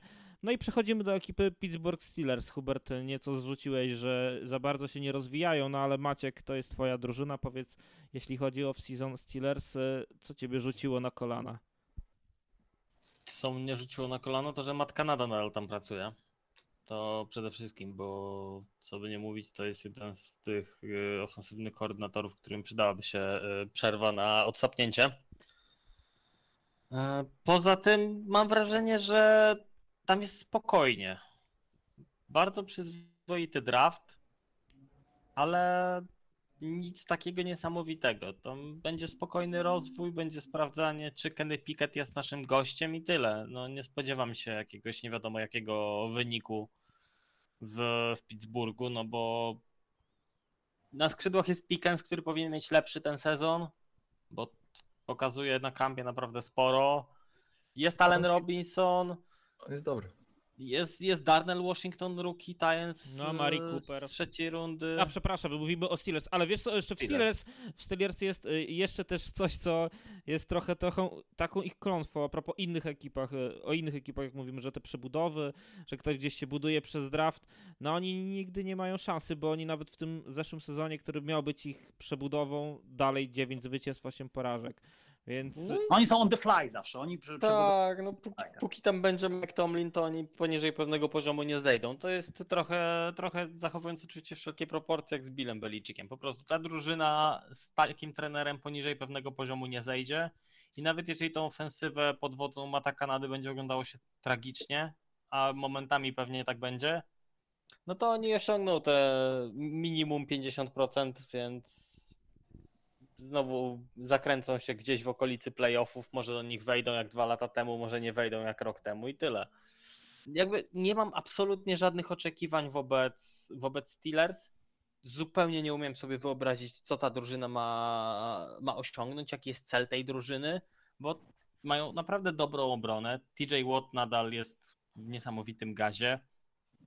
Keanu Benton to jest moim zdaniem świetny, świetny pik w drugiej rundzie. Alex Highsmith Cameron Hayward, Minka Fitzpatrick, tam są nazwiska. Może trochę gorzej wygląda sekundary, no bo, bo wzięcie 120-letniego Patryka Petersona to jest dość odważny ruch. Ale no, fajnego, wzięli, fajnego wzięli chłopaka w, w, w drafcie. Joe'a Portera Juniora, tak. A, no, Keanu Neal też jest moim zdaniem mimo wszystko dobrym e, dodatkiem. Poza tym to, co e, chciałem zwrócić uwagę, to są właśnie te defensywy Terrella Austina, tak? Bo, bo ja też jakoś go tam obserwowałem też, kiedy jeszcze pracował Jima Caldwella w e, Lions. To są takie defensywy, które e, przeważnie są takie bardzo oportunistyczne, czyli defensywy, które no, jeśli chodzi o te wszystkie kwestie jardowe, nie wypadają e, jakoś rewelacyjnie, Natomiast jeśli chodzi o kwestie związane z tymi points defense i kwestiami interceptions i różnicą strat na korzyść, to są zawsze topowe defensywy, jeśli chodzi o, o ligę i uważam, że to jest bardzo fajny koordynator zresztą kiedyś też był przymierzany. Wydaje mi się, że to jest też taki człowiek, który no, no mógłby być kiedyś e, head coachem. Natomiast ja bym pewnie troszeczkę bardziej bronił, e, bo gdzieś no, musimy mieć jakieś zdanie trochę mata Kanady, bo mi się wydaje, że e, po prostu w, jeśli chodzi o tą ofensywę, tak, no to ten taki, powiedziałbym, ta brzydkość i konserwatyzm, który był, no to chyba było jedyne rozwiązanie. Znaczy ja jestem zwolennikiem raczej teorii, w której jeśli drużyna jest, powiedziałbym, przeciętna, czy też im jest słabsza, tak, tym ta gra w ataku powinna być bardziej konserwatywna, bo po prostu jakiekolwiek e, rzeczy związane ze stratą piłki, z, z kwestiami gry w czwartej próbie, czy też los e, strata w czterech próbach, one są później, kiedy się ma po prostu generalnie słabszą drużynę, bardzo trudne do odrobienia. Są trudniejsze do odrobienia niż e, drużynie, która jest po prostu dobra w ataku i, eksplozyw, i eksplozywna, więc no, czasem bym to odwracał, tak? bo ja wiem, że jest taka tendencja, żeby mówić, a skoro jesteśmy słabi, tak, to musimy tu bardzo zaryzykować, bo inaczej się nic nie wydarzy. Tak? Ja trochę uważam odwrotnie. Tym roku będzie, uważam, że lepiej, bo wy mówiliśmy o, o tych receiverach, e, ale no, tak naprawdę to są dwaj zawodnicy, którzy dość młodzi, tak, cały czas, bo Johnson, George Pickens to są tacy zawodnicy na tysiąc yardowi. Moim zdaniem Pat Fryermuth też to jest mm, potencjalnie gracz tysiąc yardowy, jeśli ten Kenny się zacznie rozwijać, tak. Więc oni mają, e, jeśli chodzi o tą trójkę, no bardzo fajnych i stosunkowo młodych graczy, tak?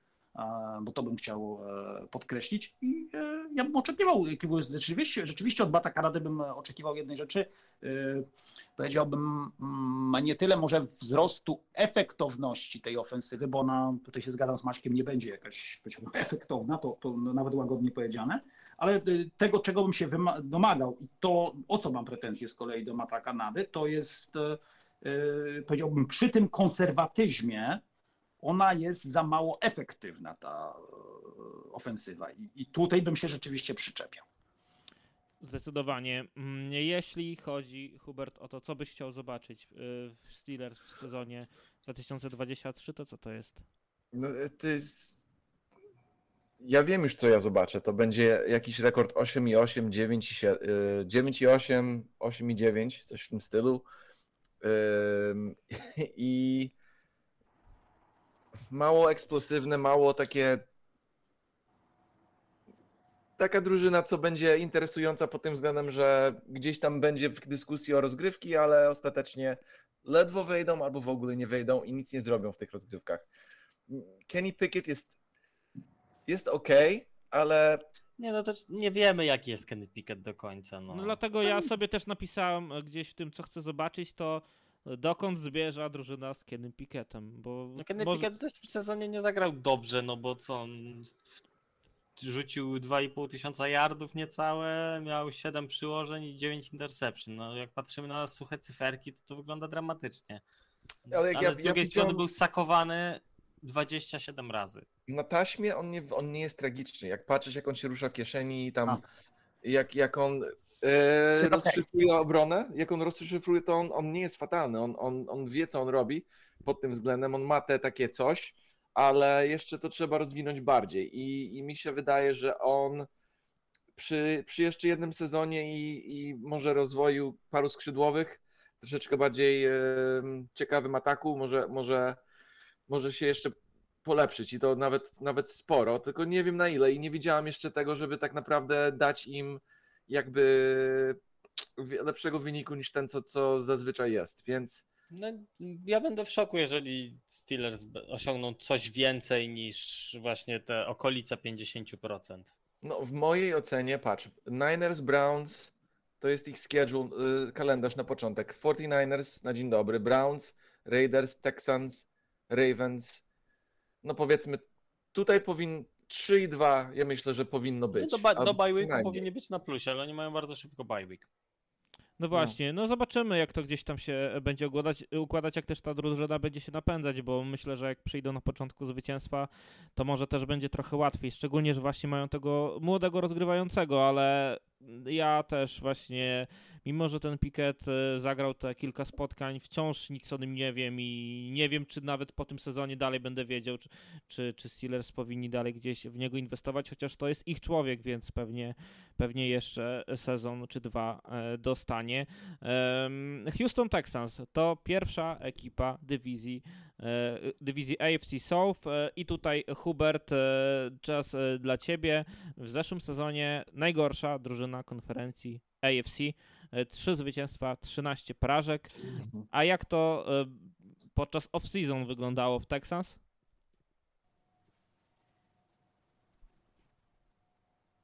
Halo Hubert, czy się słyszymy? Słyszysz mnie? Tak, Halo? tak, już teraz ciebie słyszę. Okay, no to po, powiedz, jak, jak ten off-season y, oceniasz, co ciebie jakby najbardziej zainteresowało? No odważny, odważny powiem, bo żeby użyć dwa pyki w pierwszych chyba trzech, tak? Tak. W pierwszych trzech wyborach w drafcie to, to ten trener i ten e, GM tak jakby no, odważne kroki po, y, robią, że, że, żeby poprawić tą drużynę. Will Anderson, jeden z lepszych defenderów, nie ma dyskusji. Marcus, czy jest Mar CJ Stroud. CJ Stroud. Mhm. Ogólnie jak, jak oglądałem jego taśmę, to dla mnie on, on był on chyba był jedynką dla mnie. On, on chyba był jedynką w sensie, że powinien być pierwszym wyborem, bo on ma, on jest precyzyjny, on ma taką cierpliwość w kieszeni, taki jego wewnętrzny zegar w tej kieszeni jest dobry, rzuca piłki na czas z oczekiwaniem i ogólnie jest większy od y, Bryce Younga. Bryce Young jest mały, to jest taka praworęczna wersja Tuły, mi się wydaje. Już jak raz porządnie dostanie, to może nie wstać. A CJ Stroud jest taki taki po prostu wyższy i, i też bardzo porządny rozgrywający. Ja bym może go porównał do takiego Matt Ryana młodego, coś takiego. Albo może Tony Romo, coś takiego. To, to jest, co ja widzę w CJ Straudzie. I aby y, tam pomogli mu koledzy z, w ataku, to w, może nie w tym roku, może to nadal będzie jedna z gorszych drużyn, ale patrzymy, będziemy patrzyli też, jak przegrywają. Czy to są mecze, gdzie Y, CJ Stroud jest y, fatalny i przegrywają przez 30 punktów, czy te mecze są bliskie do czwartej kwadry i wtedy przegrywają? Bo dobre, dobre drużyny, co się, co się rozkręcają, to właśnie w tym roku, co się rozkręcają powoli, to tak przegrywają, ale ledwo. A potem w drugim roku totalnie odlot. Więc jak będą przegrywać w tym roku, bo raczej będą, jak to będzie wyglądało, czy ta drużyna będzie walczyć, czy będzie się poddawać i, i jak to ogólnie, jak, jak oni będą z nowym trenerem, trenerem w ogóle y, współpracować, jak będą do jego wskazówek reagować, czy on będzie taki players coach, czy on będzie rygorystyczny, jak słyszymy o Eric Bieniemy w Waszyngtonie, to już tam zawodnicy się skarżą do Ron Rivery, że jest za ostry, um, a e, ogólnie Demico Ryans jest uwielbiony przez wszystkich. 49ers to był ukochany przez e, zawodników, więc podejrzewam, że, że jego, jego sposób i, i taktyka przejdzie. E, I tylko jest kwestia, jak, jak się atak rozwinie, jak, jak, e, jak ta drużyna będzie rosła i jak będzie przegrywała tak naprawdę, bo umówmy się, że będzie, czy to będą bliskie mecze, czy to będą kosmiczne, tragiczne jakieś mecze, bo też jest taki potencjał, ale, ale ja, ja lubię ogólnie wszystko, co zrobili. Okej, okay, e, tak jak wspomniałeś, Demeco Ryans e, trochę wrócił do swojego matycznika, bo kiedyś Houston Texans go wybrali e, w drugiej e, rundzie draftu e, i teraz, e, teraz wrócił do tej drużyny, gdzie chyba nikt nie chciał być głównym trenerem Texans, chociaż teraz w tym sezonie to mogę się mylić, ale zawsze było tak, że ciężko było tam dobrać nowego głównego trenera. Zwykle wszyscy ci najlepsi wybierali inne opcje, a do Houston Texans to nawet ciężko było zaprosić kogoś na rozmowę. Właśnie, Maciek, jak e, ty oceniasz ten off-season w wykonaniu Houston Texans?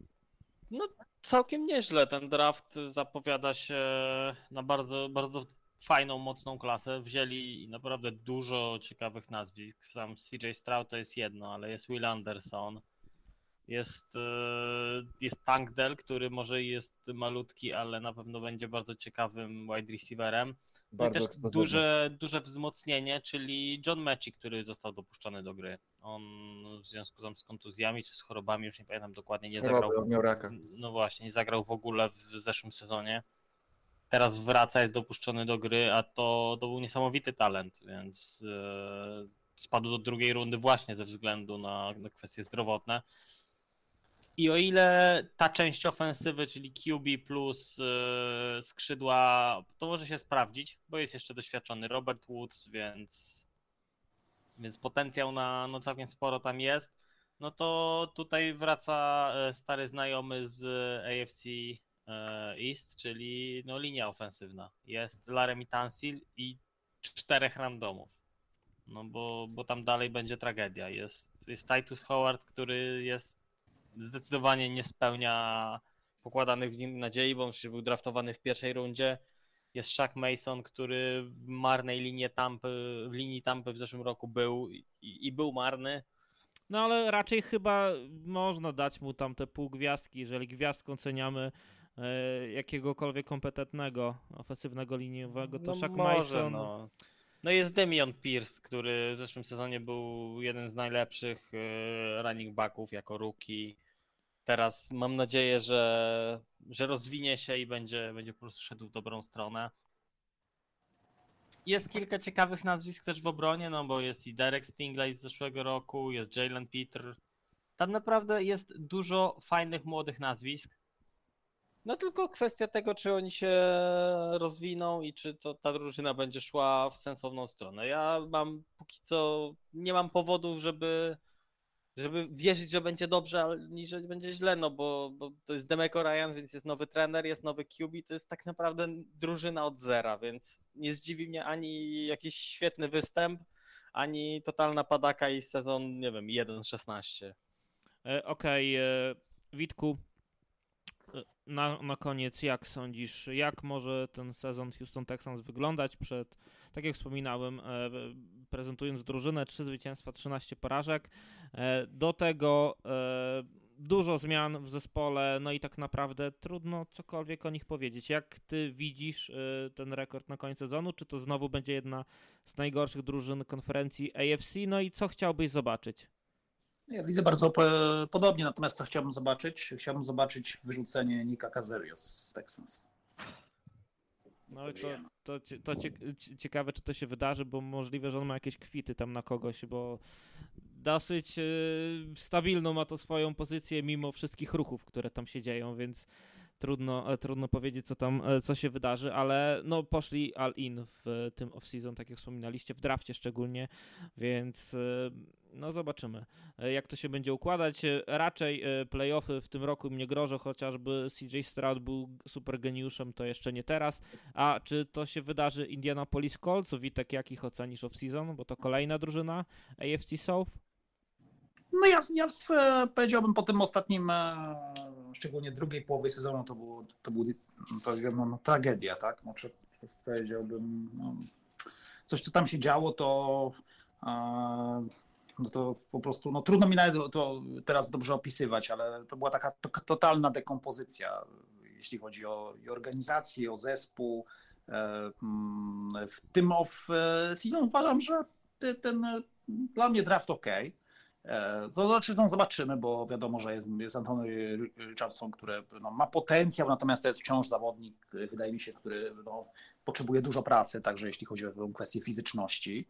Chociaż wydaje mi się, że, że ja mam takie przekonanie w sobie też oglądając jakby też, e, chociaż wiadomo, ta próbka też jest mała, bo on też bardzo dużo meczów nie grał jako starter w, w koledżu, ale mm, ja że on ma to coś i to jest zawodnik, który I dlatego ja e, powiedziałbym, może może nawet wyżej oceniam niż średnio był oceniany ten wybór.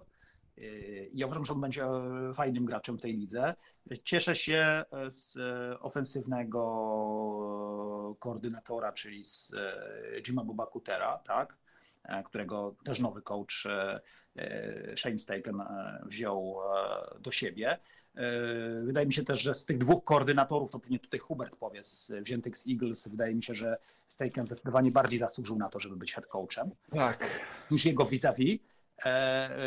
Ale Jima Babaku teraz oceniam wysoko, dlatego że to jest taki ofensywny koordynator, który moim zdaniem jest bardzo elastyczny. On będzie w stanie wykorzystać wszystkie te powiedziałbym, e, dobre strony, które mają w ataku e, Colts i też ukryć trochę te słabe strony, bo to jest e, Jim Cooter już powiedziałbym pracował w różnych systemach i, i różne rzeczy wykorzystywał, jeśli chodzi o ten atak i to uważam, że będzie jakby fajnie zobaczyć też szczególnie ten atak biegowy, ale może nawet nie tyle biegowy, co włączanie się graczy do ataku podaniowego, bo Wydaje mi się, że tu takim zawodnikiem bardzo fajnym jest wzięty z, draf, z drafcie z Northwestern Elon Hawk, którego ja, który mi się zawsze bardzo podobał w koledżu i to jest zawodnik z dobrymi rękoma, który e, no, będzie w stanie się mocno włączyć w, to, w takie granie out of the backfield. E, a pamiętajmy, że Jimbo Cooter ma, ma rękę do właśnie tego typu zawodników, żeby z takich gdzieś średniaków, tak, czy zawodników z piątej, szóstej rundy właśnie a, robić bardzo fajnych receiverowych E, backfield i, i paru takich, powiedziałbym, zawodników, którymi się opiekował, e, e, zrobiło fajne kariery w NFL i tu liczę na to, że takim graczem też będzie właśnie Ivan Hall, no bo mają Taylora, tak? No a jeśli chodzi o rozgrywających poza... No mają Taylora albo nie mają, bo tam się będzie działo. Tak, tak, tak, to, to prawda. Natomiast jeśli chodzi o z kolei rozgrywających, no to jest też jakaś, powiedziałbym, no głębia, tak? Ja uważam, że oni wezmą trójkę do, do 53, tak? Czyli wezmą e, i e, i wezmą e, Ellingera, tak? Bo ja uważam w pewnym sensie Ellingera jest trochę za bardzo takiego zawodnika, który najwięcej stracił, jeśli chodzi o to, co się działo w poprzednim sezonie, bo już on był już jakby testowany w tej samej końcówce w sytuacji totalnego już e, rozpadu tej, tej, tego zespołu. E, I e, uważam, że jak na to, co się tam działo, to Ellinger całkiem się nieźle pokazał i ja cały czas uważam, że to jest zawodnik na backupa, jeśli nawet nie w Kolsce, w jakimś innym, jakiejś innej organizacji. A jeszcze dorzucę ci tylko kamyczek do ogródka. E, czy myślisz, że ten, e, to wszystko, co się dzieje, dzieje wokół Jonathana Taylora e, i po tym, jak on, mówię, ta, ta cała dyskusja z nim wybuchła, podpisano jeszcze Keniana Drake'a, czy to gdzieś się rozburza? Wiem, że Drake to jest zawodnik, który może być jeszcze wycięty przed pier pierwszym tygodniem, ale mimo wszystko, czy to gdzieś rozbija zespół w tym off-season? Nie, nie, nie wyciągałbym jeszcze takich zbyt dużych wniosków, ale no, nie jest to na pewno dobra, dobry sygnał, tak? Natomiast no, to, wstrzymałbym się jeszcze, tak? Bo okay. no, czasem się takie rzeczy dzieją i no, nie zawsze one muszą skutkować bardzo, czymś bardzo złym, tak? Maciek, e, jesteś wielkim fanem Antonego Richardsona czy on będzie startował w tygodniu pierwszym? No i jak widzisz ten off-season?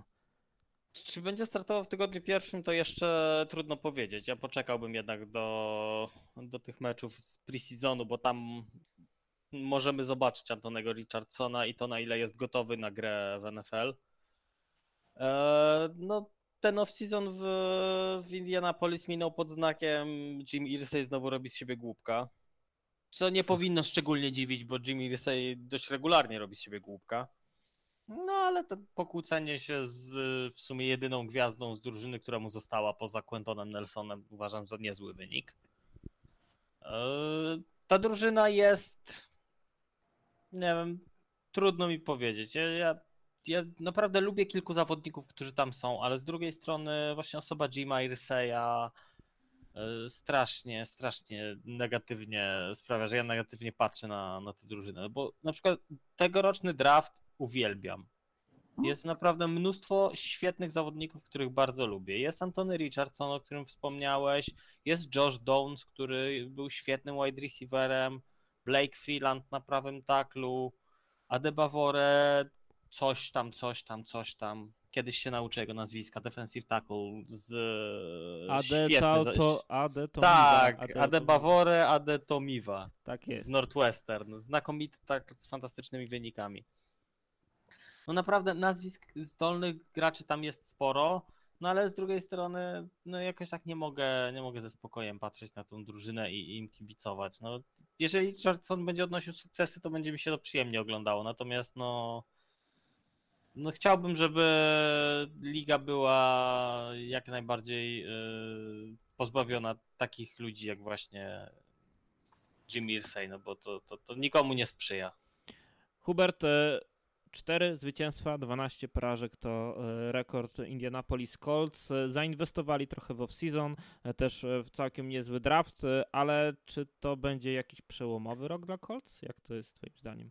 Ja myślę, że sam trener Shane Steichen i umiejętności jego do wykorzystania umiejętności rozgrywającego, na przykład Jalen Hurts lub Justin Herbert, sporo, sporo będzie znaczyło. Y, z tego co ja rozumiem, to Anthony Richardson już będzie grał od, od, od chyba od początku, mi się wydaje. głosy są takie, że ma być starterem na razie, ale no to jeszcze się wszystko może zmienić. Gardner ja, może ja... odpalić jakieś niesamowite cyfry w preseason i powiedzą. On, ja też uważam, że będzie starterem. Tak. On jest, on jest absurdalnie utalentowany. To jest, to jest zawodnik, coś jak Cam Newton, może, może jeszcze bardziej eksplosywny na nogach. I tam wszystko jest, żeby to był, było nie wiadomo jak e, po prostu bestia w quarterbacku, ale, ale to jest bardzo jeszcze surowy zawodnik. To, to jest zawodnik, który nie jest precyzyjny regularnie, to jest zawodnik, który jeszcze popełniać będzie sporo błędów, więc paradoksalnie to, że nie ma Jonathan Stewart, który będzie najlepszym kolegiem takiego młodego rozgrywającego, bo oczywiście jak gra biegowa działa, to wtedy play action, gra, gra play action jest używana i bardzo dużo Mają Isaiah McKenzie'ego i Josha Donsa, oni są świetni do play action. No i, i jak najbardziej trzeba y, o tym pomyśleć, jak tutaj ułatwić grę dla takiego Anthony Richardson. Myślę, że też y, będzie sporo tych run options, gdzie on będzie mógł biegać, coś jak Jalen Hurts i, i takich łatwych rzutów będzie musiał wykonywać, ale to jest w czym Shane Steichen po prostu jest profesorem, w czym, w czym on naprawdę potrafi pomagać młodym rozgrywającym, więc cztery wygrane nie, ja myślę, że będzie sześć wygranych, może siedem. Okej, okay, to jeszcze e, na koniec, e, Witku, do ciebie. Co chciałbyś zobaczyć, e, jeśli chodzi o Colts w tym sezonie? No ja bym chciał przede wszystkim zobaczyć no, tą ofensywę właśnie, w jaki sposób oni będą sobie radzili, bo powiedziałbym, ten receiver corps to nie jest jakiś oszałamiający. E, natomiast myślę, że tu bym zgodził z, z e, Hubertem, że no będzie sporo takich, ten atak będzie już polegał na, na, i na biegach, i na sporo screens moim zdaniem również, tak, bo to są na przykład to są elementy, których bardzo dużo używał Jim Bob Cooter, jeśli chodzi na przykład okres, kiedy był, w, ofens kiedy był ofensywnym koordynatorem w Lions, także e, to też będzie taki, e, uważam, element, który e, no, będzie się starał wprowadzać w tej drużynie, żeby trochę temu Richardsonowi ułatwić zadanie. Zobaczymy, jak to będzie wyglądać. Konkurencja w, w ich dywizji nie jest aż tak bardzo mocna aż tak bardzo mocno, bo zaraz przechodzimy do Jacksonville Jaguars chyba, którzy są zdecydowaną jedynką tej dywizji, ale y, później o to walka o to drugie miejsce wcale nie musi być e, taka trudna, no więc może pomiędzy sobą i Houston Texans, Indianapolis Colts i Tennessee Titans jeszcze coś tam e, się pomieszają z tymi wygranymi i może te rekordy całkiem e, nie będą takie złe, ale właśnie przechodzimy do Maciek drużyny Jacksonville Jaguars. Populacja kibiców tej drużyny rośnie bardzo, bardzo. Wiemy, że to jest jedna z najbardziej popularnych drużyn w Europie, też w związku z tym, że oni co roku przyjeżdżają do, do Londynu i grają tutaj te swoje spotkania, ale nawet w samych Stanach Zjednoczonych y, już inaczej się podchodzi do spotkań Jacksonville Jaguars. No bo y, Trevor nam się rozkręca na coraz lepszego rozgrywającego, a te off-season też było ciekawe. No właśnie, co ciebie najbardziej zaciekawiło? Chyba to, że wreszcie w Jacksonville jest spokój. Wreszcie, że w Jacksonville nie ma jakichś ogromnych przemeblowań, nie ma jakiegoś wywalania trzech czwartych składu zatrudnienia Calvin Ridley. Innych. Powrót Calvina Ridleya to na pewno jest duża rzecz, bo, bo o ile możemy sobie mówić, że nie wzmocnili korpusu skrzydłowych w stosunku do ostatniego sezonu, no niby nie, ale Calvin Ridley będzie grał, a to jest spora różnica, bo to jednak jest jeden z no jak póki grał, póki nie było tego zawieszenia, no to był jeden z czołowych wide receiverów. No miał być jedynko Falcons. Julio Jonesem. Tak, no miał być jedynko Falcons, y, kiedy odchodził Julio Jones, nie? Tylko wiemy, jakie później no okoliczności no właśnie, były. Tak. Ale no, potencjał jest. Jedyny, jedyna strata duża, no to jest y, Javon Taylor, który poszedł do, do Kansas City, bo, bo to sporo zaszkodzi tej linii, no bo na taklach Będzie Walker Little. To będzie jego trzeci sezon. Do tej pory te dwa nie były jakieś niesamowite. Trochę więcej sobie po nim obiecywano.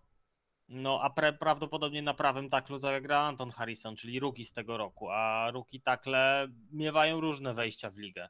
A to jest związane z tym, że Cam Robinson jest zawieszony, nie? Więc Tak, to jest związane z tym, że jest zawieszenie Kama Robinsona. Generalnie zawieszeń w tym sezonie było sporo z różnych powodów. Więc no.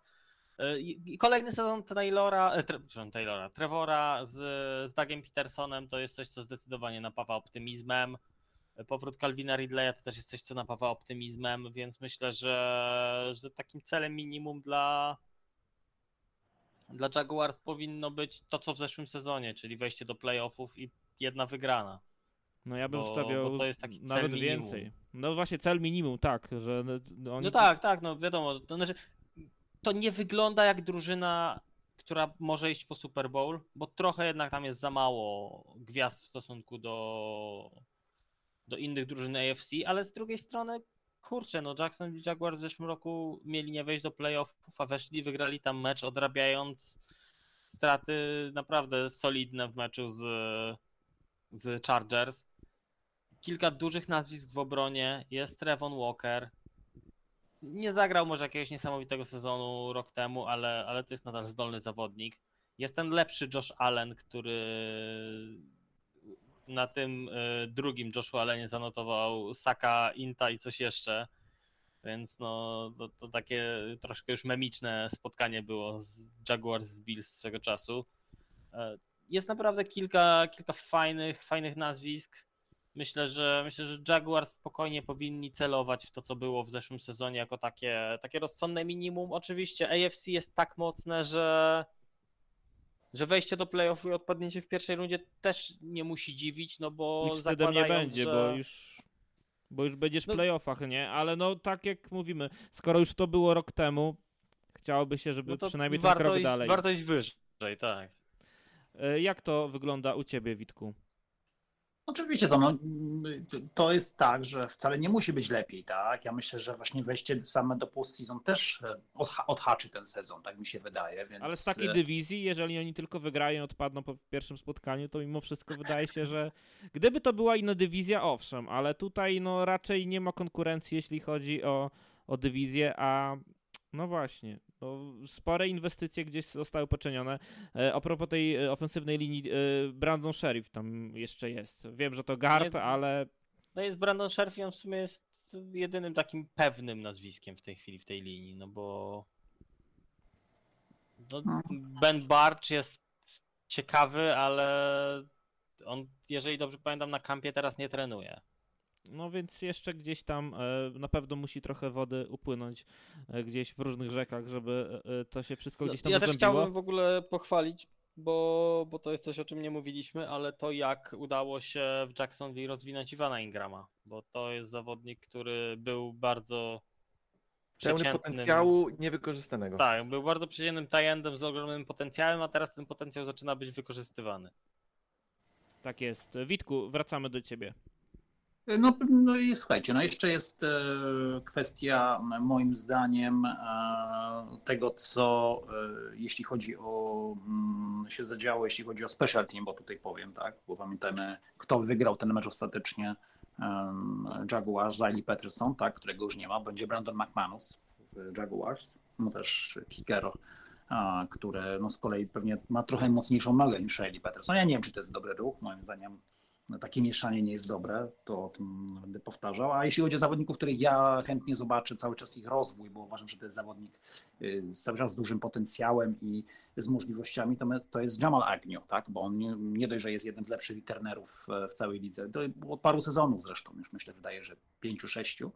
E, On jeszcze chyba w Lions był bardzo dobrym tak, returnerem. tak. O, o ile oczywiście omijają go kontuzje, tak, no bo miał też tam e, trochę też przygód, to jeszcze dodatkowo w, jako, e, jako receiver, ale także jako zawodnik, który może być z backfield używany również z powodu jego szybkości. Także e, to jest taka postać, która zawsze mi się e, bardzo podobała, zawsze miałem do, do niego dużą e, słabość. Uważam, że się fajnie gdzieś powiedziałbym e, rozwija i pokazuje pełnię swoich możliwości. To jest bardzo przydatny e, zawodnik e, w tej ofensywie.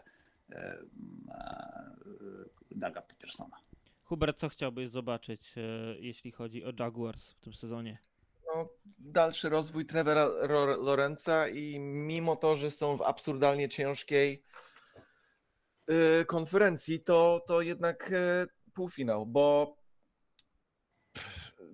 tak, tak naprawdę już sobie ustalili poprzeczkę, tak? To jest ćwierćfinał, więc jakby odpadli w pierwszej rundzie, no to jednak to jest krok do tyłu. Przynajmniej tak będzie patrzył na to y, właściciel firmy Shad Khan i, i, i resztę, resztę medii, że to jest jednak krok do tyłu, że no czemu ćwie- ćwierćfinał w, zeszłym roku, a w tym roku, mimo to, że Ridley ci wrócił i tak teoretycznie ta drużyna jest bardziej już taka jakby przyprawiona powiedzmy, albo te, drugi rok Trayvona Walkera e, powinien być lepszy niż pierwszy, więc tam progres powinien być i naturalnie oczekiwania są wyższe, więc półfinał musi być.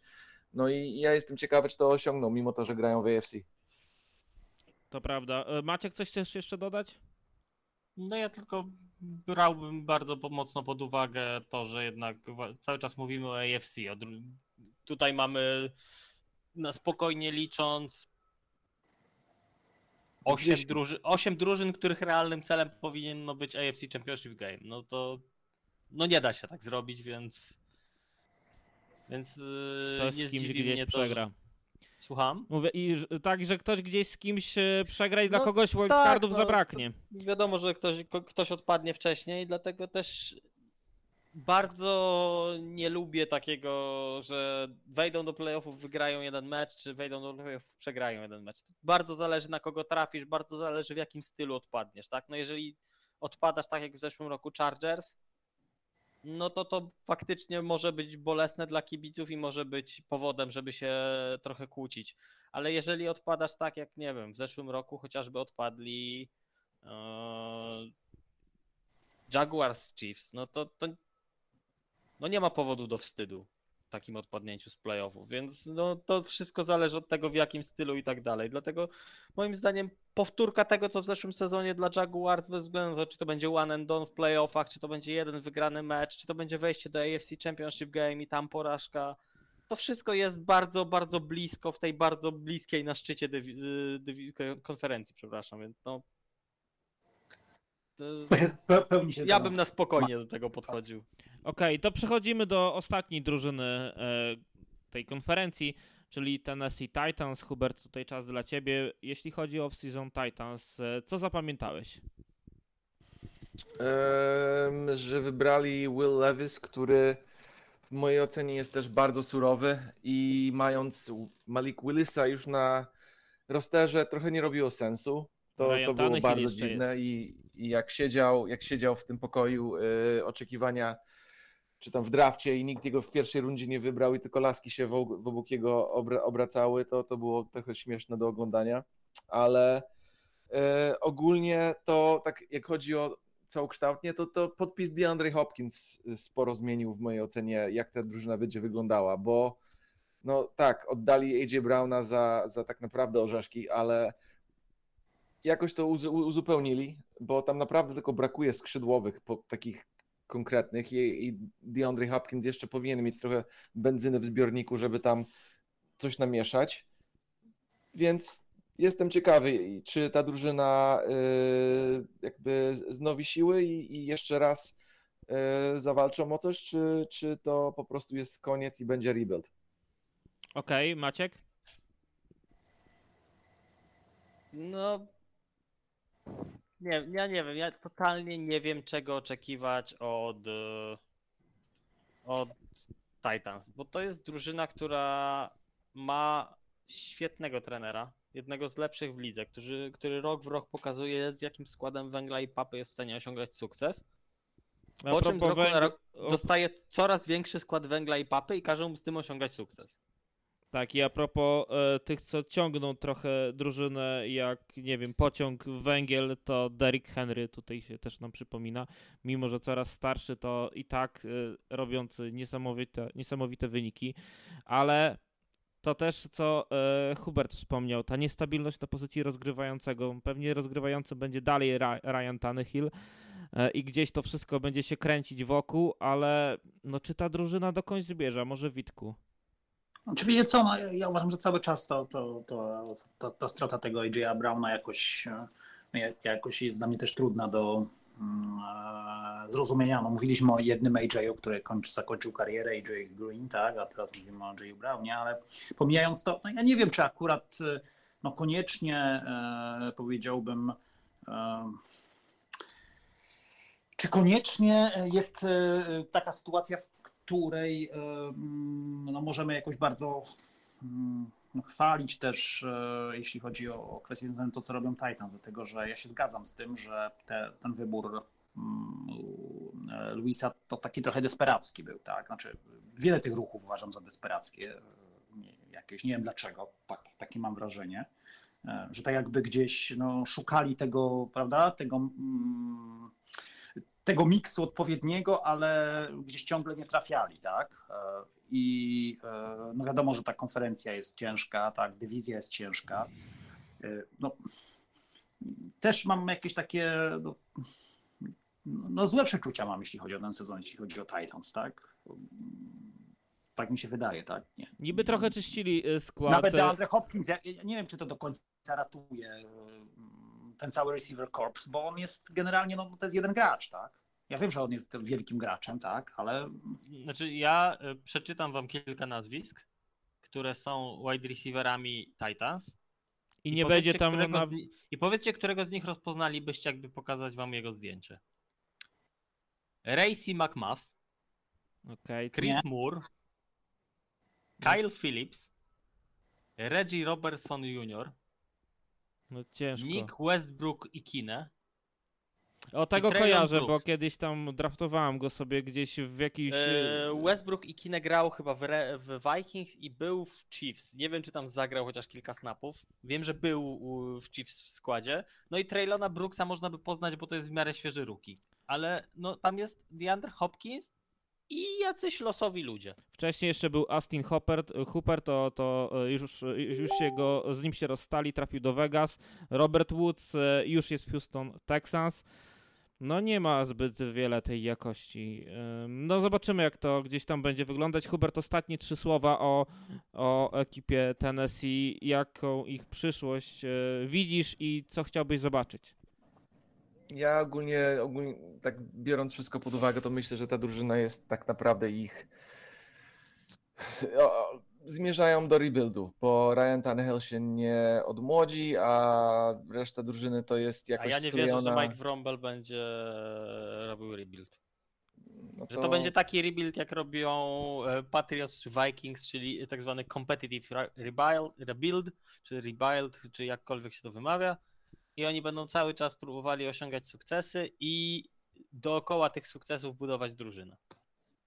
No niestety może tak to, tak to wyglądać. E, pewnie. Nie mówię, to jest złe rozwiązanie, bo nie oszukujmy się, na podobnym rozwiązaniu pojechali Chiefs przecież. No bo oni cały czas odnosili jakieś sukcesy, wchodzili do playoffów, aż w końcu wydraftowali Patryka Mahomesa i przekroczyli granicę, więc może uda im się osiągnąć to samo. Tak, Witkę nam na sekundkę wyłączyło, ale Witek chyba się słyszymy, tak? Tak jest, tak jest. E, to Witku, e, przechodzimy już w odpowiednim momencie do ciebie, bo czas na dywizję AFC West e, i tobie wypadła, wylosowała się drużyna Denver Broncos. Jeśli chodzi o season Broncos, co sądzisz? Co tu cię, co? cię by zainteresowało? Mhm. Może, to, to, to, oczywiście no, jest, jest coach, tak, Sean Payton, ale ja generalnie, wiecie, zawsze byłem ogólnie rzecz biorąc wielkim fanem Russella Wilsona i to wcześniej powiedziałem jakieś takie słowa, że gdzieś stracił motywację, ale no, naprawdę zawsze go bardzo lubiłem, tak, uważałem go za no, świetnego zawodnika, natomiast wydaje mi się, że no, jeśli nie tym sezonie, tak, E, bo to też dla niego już ten wiek jest, powiedziałbym, no, istotny, to jeśli nie w tym sezonie, e, to, to będzie bardzo ciężko już, dlatego że ja widzę, że u niego jednak te inne elementy, które go porwały, tak jak mówiłem wcześniej, jeśli chodzi o show business i tak dalej, one przeważają. Gdzieś brakuje tej moim zdaniem takiej motywacji. Tu nawet bym większą widział, tak jak mówił o, o Arona Rodgersa. Więc on już jakby też e, no, kasuje, jeśli chodzi o pieniądze, tak? Czyli wiadomo, to, to, to przejście do Broncos też tak e, trzeba rozumieć, tak? Jako, e, no, powiedziałbym, od, odcięcie jeszcze kuponów, tak? I to jest też taki sezon, ja nie wiem, czy też to już pewnie będzie pytanie do, do, do, do, do nowego head coacha, tak? Jak sobie, powiedziałbym, no, mm, wyobrażają, tak? Powiedziałbym, dalszą e, sytuację, gdyby rzeczywiście to nie wypaliło. Tak.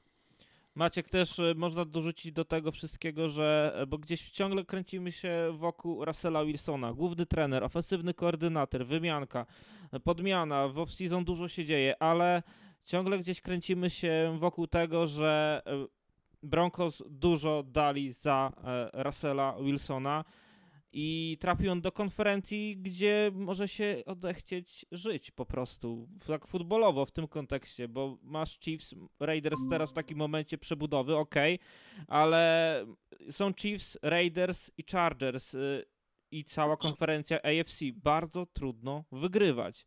Czy to nie jest największy problem, nawet w tym off-season Denver Broncos? Jak to widzisz, Maciek? No nie wiem. Jakby to jest trudny temat, no bo, bo w zeszłym sezonie widzieliśmy bardzo duży hype i, i bardzo duży, duży sz, jakby szał dookoła tego, co się buduje w Denver. Coś jak teraz w Jets. Coś jak teraz w Jets, dlatego ja bardzo porównuję mocno te dwie drużyny. E, no, tylko nie dostaliśmy absolutnie nic poza tym właśnie szałem i hypem. Teraz jest troszkę więcej spokoju. Jest Sean Payton, który co by nie mówić, no jest jednym z lepszych trenerów NFL dostępnych na rynku. Z dostępnych na rynku pewnie najlepszy, a w ogóle jeden z lepszych w lidze, tak? Więc tutaj też jest taki temat. Natomiast no nie wiem, ja cały czas nie do końca jestem w stanie uwierzyć w to, w to Broncos. No Mike bo... McGlinchey y, do ofensywnej linii tam dołączy, może to będzie też Jakaś na pewno pomoc. będzie to jakiś upgrade, bo, bo McGlinchey był, był naprawdę niezły na, na prawym taklu w San Francisco. Jest Queen Maynard, który, który całkiem nieźle sobie radził na tym prawym gardzie. Jest Garrett Bowles, który od kiedy przestał być yy, księciem holdingów, no to jest naprawdę przyzwoitym liniowym. Do defensywy dołączył twój dobry znajomy Frank Clark. No Frank Clark o tyle mnie nie boli w Denver, że on dobrze gra w playoffach, a to raczej nie jest coś, co ich czeka w tym sezonie. Eee, natomiast no nie, no to jest naprawdę fajnie budowana drużyna, do której w wielu miejscach trudno się przyczepić, ale z drugiej strony potem efekt jest jaki jest. No, no jest Jerry Judy, który jest świetny, jest Cortland Sutton, który jest świetny, ale oni byli też w zeszłym sezonie i, i to nic nie dało Russellowi. Jest Greg Dulcik, który był, był fantastycznym tajendem w zeszłym sezonie. Jak na Rukiego z trzeciej rundy, idealne wejście w ligę. Wiele się mówi o tym, że tajendzi mają trudności z wejściem w ligę. On tych trudności nie miał, naprawdę świetnie się pokazał. Do tego, do tego jest naprawdę dużo zdolnych nazwisk. Jest Randy Gregory z Dallas. Jest, no właśnie wspomniany przez ciebie Frank Clark jest Pat Surtain. Naprawdę, no jakby w tej drużynie jest cały czas wszystko, tylko za każdym razem coś im nie wychodziło. Więc jeżeli teraz im to wyjdzie, to okej. Okay. Okej. Okay. No, no, tylko czy wyjdzie? No, no jakby ja absolutnie nie umiem obstawić tego, co zrobią w Denver, bo to jest drużyna, która spokojnie ma, ma skład i trenera na rekord, nie wiem, 12 zwycięstw i wejście do playoff spokojnie ale z drugiej strony. W zeszłym sezonie wygrali tylko 5. W zeszłym mając... sezonie mieli taki sam skład, praktycznie. Tak. I wiesz, no więc no. E, trudno, I... trudno do uwierzenia drużyna. Tak, Hubert, e, kończę tobą. Co ty chciałbyś zobaczyć, e, jeśli chodzi o ekipę Broncos w tym sezonie? No i o ten rekord też cię spytam, czy będzie lepiej. No w zeszłym sezonie wygrali tylko 5 spotkań będzie o wiele lepiej. Mi się wydaje, że tutaj tak naprawdę trener to, to jest jedyna rzecz, co brakowało. Nawet Sean Payton nieładnie powiedział, że yy, człowiek, który był na jego miejscu rok temu, to, to była największa porażka trener, trenerowa, co od dawnego czasu, więc... No tylko czy to nie jest robienie sobie dupochronu, że no yy, Hackett tak nasyfił, że nie byłem w stanie tego w jeden sezon naprawić. Trochę Mm. tak. Ja się tego też boję, się tego też boję. E, Znaczy boję się, oczywiście dla tych, którzy dobrze życzą Broncos, ja też mi jakoś nie życzę specjalnie źle, ale właśnie uważam, że to może być też taki właśnie element, którym, no niby mówimy, że też ma być lepiej, tak, od razu, no ale za chwilę już, kiedy coach przychodzi, tak, to mówimy, no, no, no tak, no tam było źle i to jest mes, tak. I, Tak, i tu są Chiefs, tu są Ale, ale jak patrzysz na, jak patrzymy na ich drużynę, to nie jest w ogóle mes, to jest utalentowany, gotowy do wygrania dzisiaj drużyna, więc ja nie myślę, że on, że, że można powiedzieć, że o, on, on przejął mes. Nie, nie przejął mes, przejął dobrze zbudowaną drużynę, którą musi on naprawić dziś, żeby była lepsza, przynajmniej e, dwa razy tyle, e, żeby 10, do 10 wygranych powinno być, spokojnie. Spokojnie w mojej ocenie. Okej, No ja dla- też tak uważam, ale właśnie, właśnie zastanawiam się, czy, czy te właśnie wypowiedzi nie są taką jakąś, jakimś przygotowaniem, ubezpieczeniem się. Tu się zgadzam jakby z Maćkiem, czy to jest pytanie, tak? Ja myślę, że to jest taki typ, co ma taką energię w sobie, że on, on po prostu wierzy w to i on bardzo ma strasznie silną samopewność i on gada tak po prostu, żeby jakby na, na innych ludzi, e, no tak powiedział niemiło i potem sam powiedział, że to, że to żałuj, żałuje, ale, ale to jest kim on jest. On jest troszeczkę taki arogancki w pewnym sensie, ale taki, taki, że on wie, że on jest dobrym trenerem i on wie, że on to odwróci, więc ja myślę, że to kwestia nowego ataku. Y, Russell Wilson będzie musiał być precyzyjny z kieszeni i tak dalej, ale to jest moje pytanie. Czy Russell Wilson będzie potrafił jeszcze tak grać jak w Seahawks? E, no jak, jak nie, to do widzenia. To jest jego ostatni rok.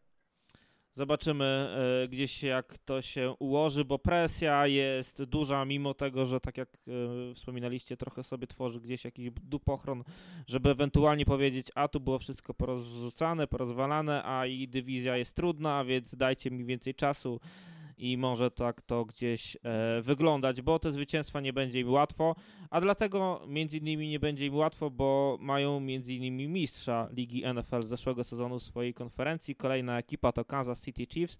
No i tak ci się Maciek wylosowało, że dostałeś swoją drużynę. Powiedz, co ci się najbardziej podobało w off-season? szczęście w losowaniu. Może zacznę od tego, co mi się najbardziej nie podobało. Yy, Zapłaćcie Chrisowi Jonesowi tyle pieniędzy, ile chce. Dajcie mu blank Przecież Josha Jacobsa będziecie wypełni. chcieli. To trzeba kasy dla Josha Jacobsa szykować. W ogóle to, to, to, to, że agent Josha Jacobsa wypuścił tam Chiefs, to jest. To albo świadczy o tym, że on nie zna tej ligi, albo po prostu stwierdził, a wpiszę mistrza, będzie fajnie. No bo jakby nie widzę ani jednego powodu, żeby Chiefs mieliby się interesować Jacobsem. Tak realnie. No, drużyna, która wygrywa Super Bowl z rookie z siódmej rundy na running backu i ma trudności z podpisaniem swojego elitarnego obrońcy, gdzie obrona jest problemem tej drużyny, wyda kupę hajsu na running backa. No raczej średnio to widzę, raczej średnio to widzę. E, A z rzeczy, które mi się podobają, to bardzo podoba mi się rozwój e, całej bandy młodych skrzydłowych, bo, bo w Chiefs e, w zeszłym sezonie była ta wielka e, aferka, co się stanie bez Hilla. No widzimy, co się stało bez Hilla. Eee, pojawił się Kadarius Tony, który zagrał dosłownie kilka snapów w, w kilku meczach i, i był game changerem w tych momentach. Sky Moore podobno się rozwija świetnie. Rookie z tego roku Rashi Rice też sprawia wrażenie znakomitego. Tak, ja uważam, że on też będzie takim graczem, który będzie miał więcej szans w tym, tym, tym roku. Znaczy, ja generalnie na ten sezon bym z nim jeszcze poczekał, bo, bo jednak Andy Reid ma tendencję do, do wolnego wpuszczania tych receiverów. Sky Moore też długo czekał, on przecież pierwsze swoje przyłożenie zdobył dopiero w Super Bowl. E, Do tego wzmocnienie w postaci Richiego Jamesa, e, wcześniej w Giants, który o ile w Giants musiał być momentami w WR1, no to tutaj jak będzie czwórką, piątką to będzie dobrze i to jest miejsce, na którym on się powinien znaleźć. I ulubieniec Karola Justin Ross. No mam nadzieję, że odpali w preseason. Swego i... czasu niesamowita gwiazda Clemson, człowiek, który, jeżeli dobrze pamiętam, to Alabamę niemal własnoręcznie zamiótł. Niestety Natomiast straszne tam problemy się z straszne problemy zdrowotne pojawiły, więc, yy, więc dlatego cały zeszły sezon nie grał. Teraz na kampie gra, yy, trenuje dużo. Ma być w meczach przedsezonowych, więc no, to jest coś, czego jestem bardzo ciekaw. To jest coś, czego jestem bardzo ciekaw. Yy, drobny element, który mnie martwi, to jest yy, lewy tackle Donovan Smith. W zeszłym roku w Tampie bardzo tak sobie, łagodnie mówiąc. E, zanim ma być Ruki Vania Morris, więc no, wstawianie Rukiego na jedną z najważniejszych pozycji to jest dość, dość odważne zagranie, natomiast Chiefs paru młodych, zdolnych y, liniowych wrzucili w zeszłych latach, no bo przecież Creed Humphrey i Trey Smith to jest ten draft 2001, e, 2021, przepraszam. E, No i podpis Javana Taylora z Jacksonville. To jest moim zdaniem olbrzymi upgrade na prawym taklu, natomiast nie wiem czemu w końcu on nie będzie grał na lewym. To ja jestem bardzo ciekaw tego, jak będzie wyglądała ta linia, no bo bo to jest coś, co, co musi budzić jakieś wątpliwości. No i czekam też na rozwój e, sekundary, bo w sekundary jest dużo młodego talentu. Niestety już e, wiemy, że Nazi Johnson nie zagra. To jest e, safety też wydraftowany w zeszłym roku. Tam ciężka kontuzja na jednym z pierwszych treningów. Ale nadal jest Joshua Williams, nadal jest Aljarius Sneed, nadal jest Trent McDuffie, który jak grał w zeszłym roku, to grał naprawdę dobrze. No i tak naprawdę poza linią ofensywną, jeżeli zabraknie mniej Chrisa Jonesa, to to jest drużyna, która jest tak samo mocna jak była w zeszłym roku, a nawet mocniejsza. Jeżeli Chrisa Jonesa zabraknie, no to obrona będzie olbrzymim, olbrzymią kulą u nogi. Tak, jeszcze tylko tak słowem adwoce, e, Charles Omenichu też e, zawieszony. Tak, Charles Omenichu zawieszony na, na 6 spotkań za y, jakieś rzeczy związane z domestic violence. Dokładnie nie wiem, bo to też było za czasów, jak on jeszcze grał w San Francisco, więc jakoś straszliwie tego nie śledziłem. Natomiast no, special teamerzy zachowani, więc Butker, Townsend będą dalej kopać. Jest naprawdę, moim zdaniem jest. McKinnon, McKinnon też wraca, prawda? Eee, Tak, tak, McKinnon tak, jest. tak, tak. Tak, tak. E, A co ciekawe, właśnie w tym trzecim jakby do gry na, na running backu jest Clyde Edwards-Heller, a za nim znów La, La Michael Perrin i może być tak, że chyba ten No myślę, że Edwards dla Michael naj- Perrin to mniej, natomiast bardziej Deneric Prince, który zbiera mnóstwo zachwytów na kampie. To jest kolejny y, taj, y, ru- running back wyciągnięty z niczego, który w Chiefs może być. I dużym że może talentem. być coś takiego, że y, jakiś surprise przed pierwszym tygodniem Clyde Edwards-Heller y, zwolniony? Czy aż tak? Zwol... Znaczy zwolniony raczej nie, raczej będą go przytrzy... przytrzymają go do końca tego jego kontraktu. Chyba, że ktoś się znajdzie na wymianę, bo jeżeli wymiana, to, to pewnie go oddadzą bez jakiegoś wielkiego żalu, no bo jednak no, Clyde to nie jest człowiek, który spełnił swoje y, pokładane w nim nadzieje w Kansas City, no bo jednak on przychodził jako człowiek, który miał być tym ostatnim elementem, ostatnim puzzlem układanki ofensywnej, a no niewiele, niewiele zrobił od tamtej pory. Lepiej od niego podpisał się Isaiah Pacheco z siódmej rundy i Jerick McKinnon, który jeszcze w, tym, w tej lidze tak naprawdę poza Chiefs niewiele znaczył, a, a w Kansas City został niemal gwiazdą ligi z legendarnym stopem w Super Bowl, tak? Dokładnie tak. E, Witku, e, przechodzę do ciebie. Powiedz, jak myślisz Kansas City Chiefs, ich off-season i to, co może się wydarzyć w tym sezonie, to jak mógłbyś to w kilku zdaniach ująć? Ja się zgadzam z Baczkiem, że rzeczywiście no, podpisanie Taylora na pewno, tak, bo to jest e, tutaj duży e, upgrade, jeśli chodzi o lewą stronę, tak. E, Wiadomo, że tutaj no rzeczywiście to jest kwestia też tego, jak oceniamy ten poprzedni sezon, jeśli chodzi o linię ofensywną, bo jedna kwestia to jest jakby no, w miarę, bardzo, znaczy solidne, solidne powiedziałbym cyferki, tak, no ale na ile to jest efekt e, właśnie gry tych samych graczy, na ile to jest efekt, e, no, w jaki sposób gra Mahomes, tak? Więc ta, to jest bardzo ważna, waż, bardzo ważny ruch, jeśli chodzi o wzmocnienie Chiefs, tak? E, Dodanie e, Taylora, tak uważam. A to, co jakby mnie w tym sensie jakby zaskakuje, tak? No to e, chociaż zaskakuje nie zaskakuje po takim no, wydarzeniu, jakim jest e, jakby tytuł znów, no to w sumie duża kontynuacja i dużo powrotów, jeśli chodzi zarówno o ofensywę, jak i defensywę, tak? I to jest jakby dobry znak. Tak, są o- drużyny, które grają o konkretnie jeden sezon i chcą ten Super Bowl wygrać, a w Chiefs y, widać I to jest widać, ciągły że- proces. To też, to jest też to, co mówił Maciek, prawda? E, e, Zobaczcie, tu- jest e, sporo takiego młodego talentu, zarówno jeśli chodzi o receiverów, tak, jak i o defensive backs. I zobaczcie, jaki to jest wynik, bo ktoś powiedział, że tak, to jest taki rebuild on the fly, a można powiedzieć, że nawet to jest taki rebuild on e, the championship fly, tak? Coś takiego, nie? Więc e, rzeczywiście to, to no, jest to imponujące, tak powiedziałbym, no, jeśli chodzi o jak ja to oceniam. Oczywiście no, też sezon pewne rzeczy zweryfikuje, e, no, bo w przypadku Chiefs i Mahomesa no, to zawsze będzie e, presja na no, najwyższe cele, tak? Ale nie wydaje mi się tutaj pewnie, no, może mnie poprawią koledzy, szczególnie Maciek, że gdyby w tym roku się miało nie wydarzyć mistrzostwo, no to, to, to nie będzie jakąś, moim zdaniem, tragedią, prawda, dla, dla Chiefs.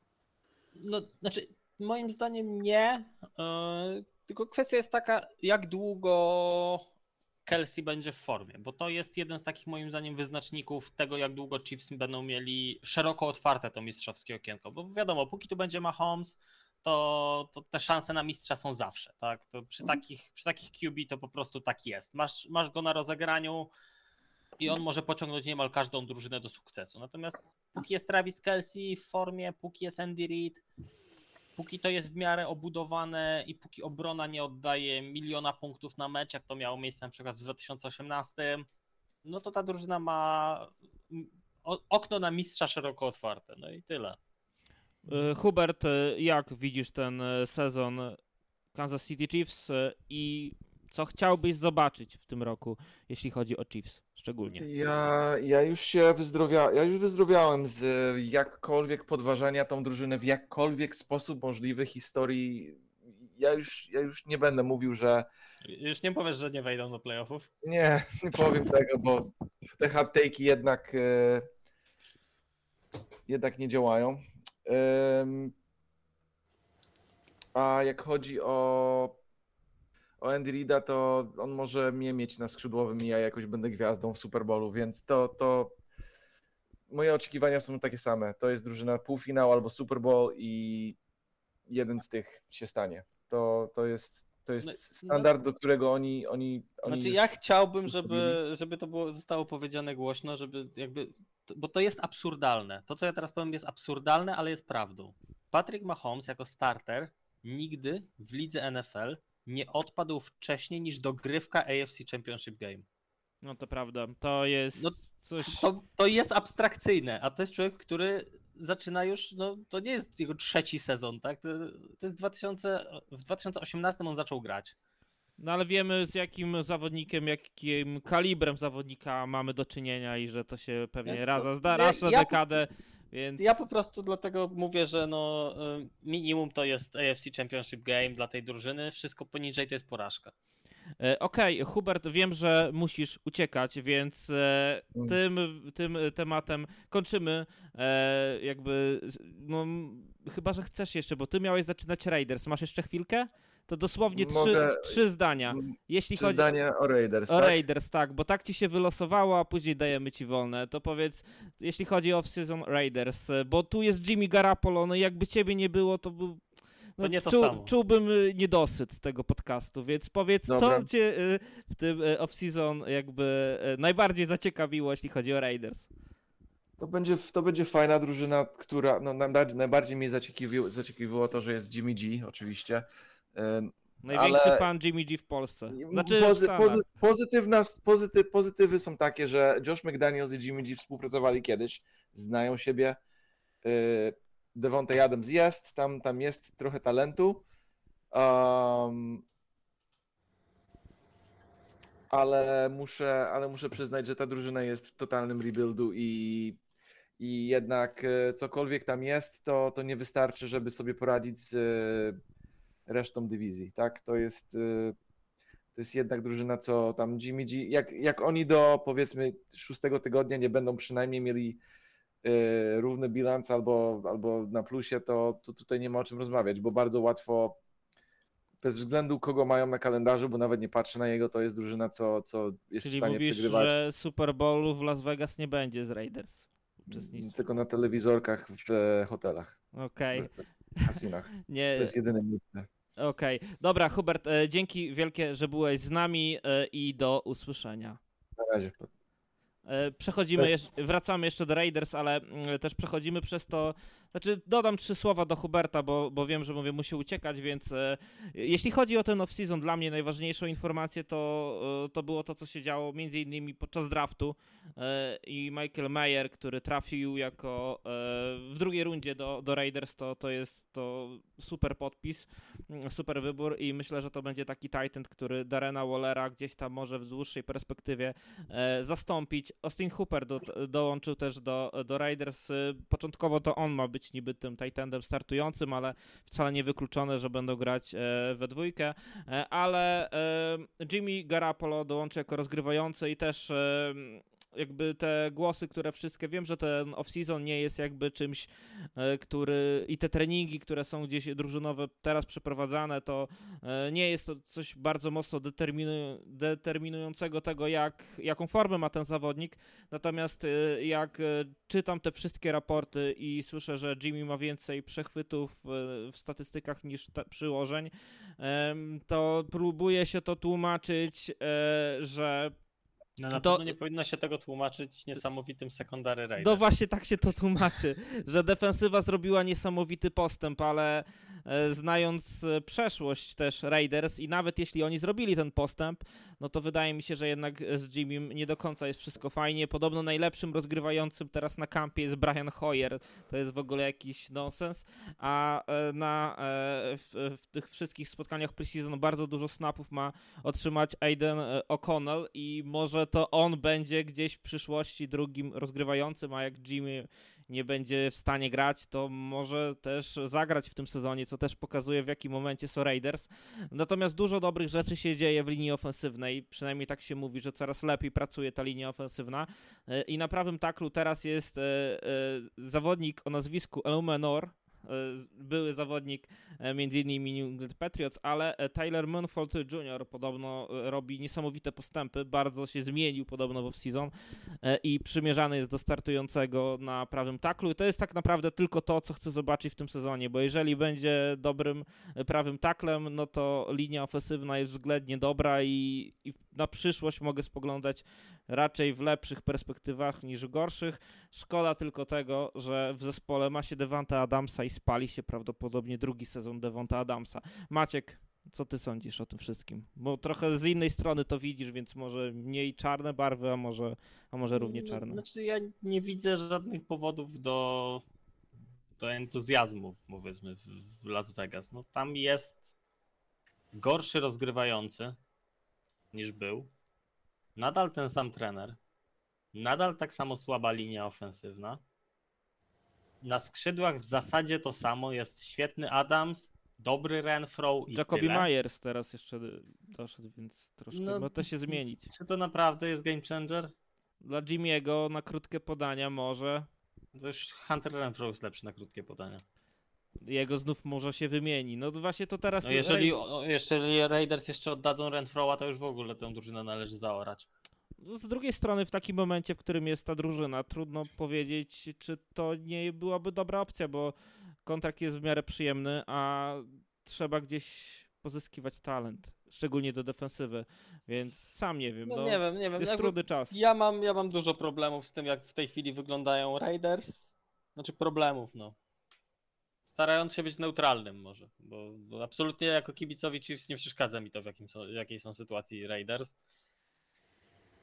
No i co, no, to, no trud, trudno wierzyć w to, że ta drużyna nie będzie ostatnia, bo moim zdaniem wszystko powyżej ostatniego miejsca wart, można by rozpatrywać jako sukces sportowy, no tylko czy to jest, czy sukces sportowy będzie sukcesem organizacyjnym, bo moim zdaniem to oni raczej powinni iść po wysokie piki w drafcie i polować na na, na dobrych QB z draftu. No, No bo, właśnie, bo tak. innego, no bo przecież no, z Jimmy to na dłuższą metę się nie da, to nawet y, Kyle Shanahan nie dał rady, więc no nie Mike McDaniels. E, Witku, jak ty z, ze swojej perspektywy widzisz e, sezon Raiders? W zeszłym sezonie wygrali 6 spotkań, 11 przegrali. Co widzisz w tym roku i czy jest coś, co ciebie, co chciałbyś w ogóle zobaczyć, jeśli chodzi o Raiders i poznać jakąś odpowiedź na któreś z pytań, które gdzieś masz w głowie?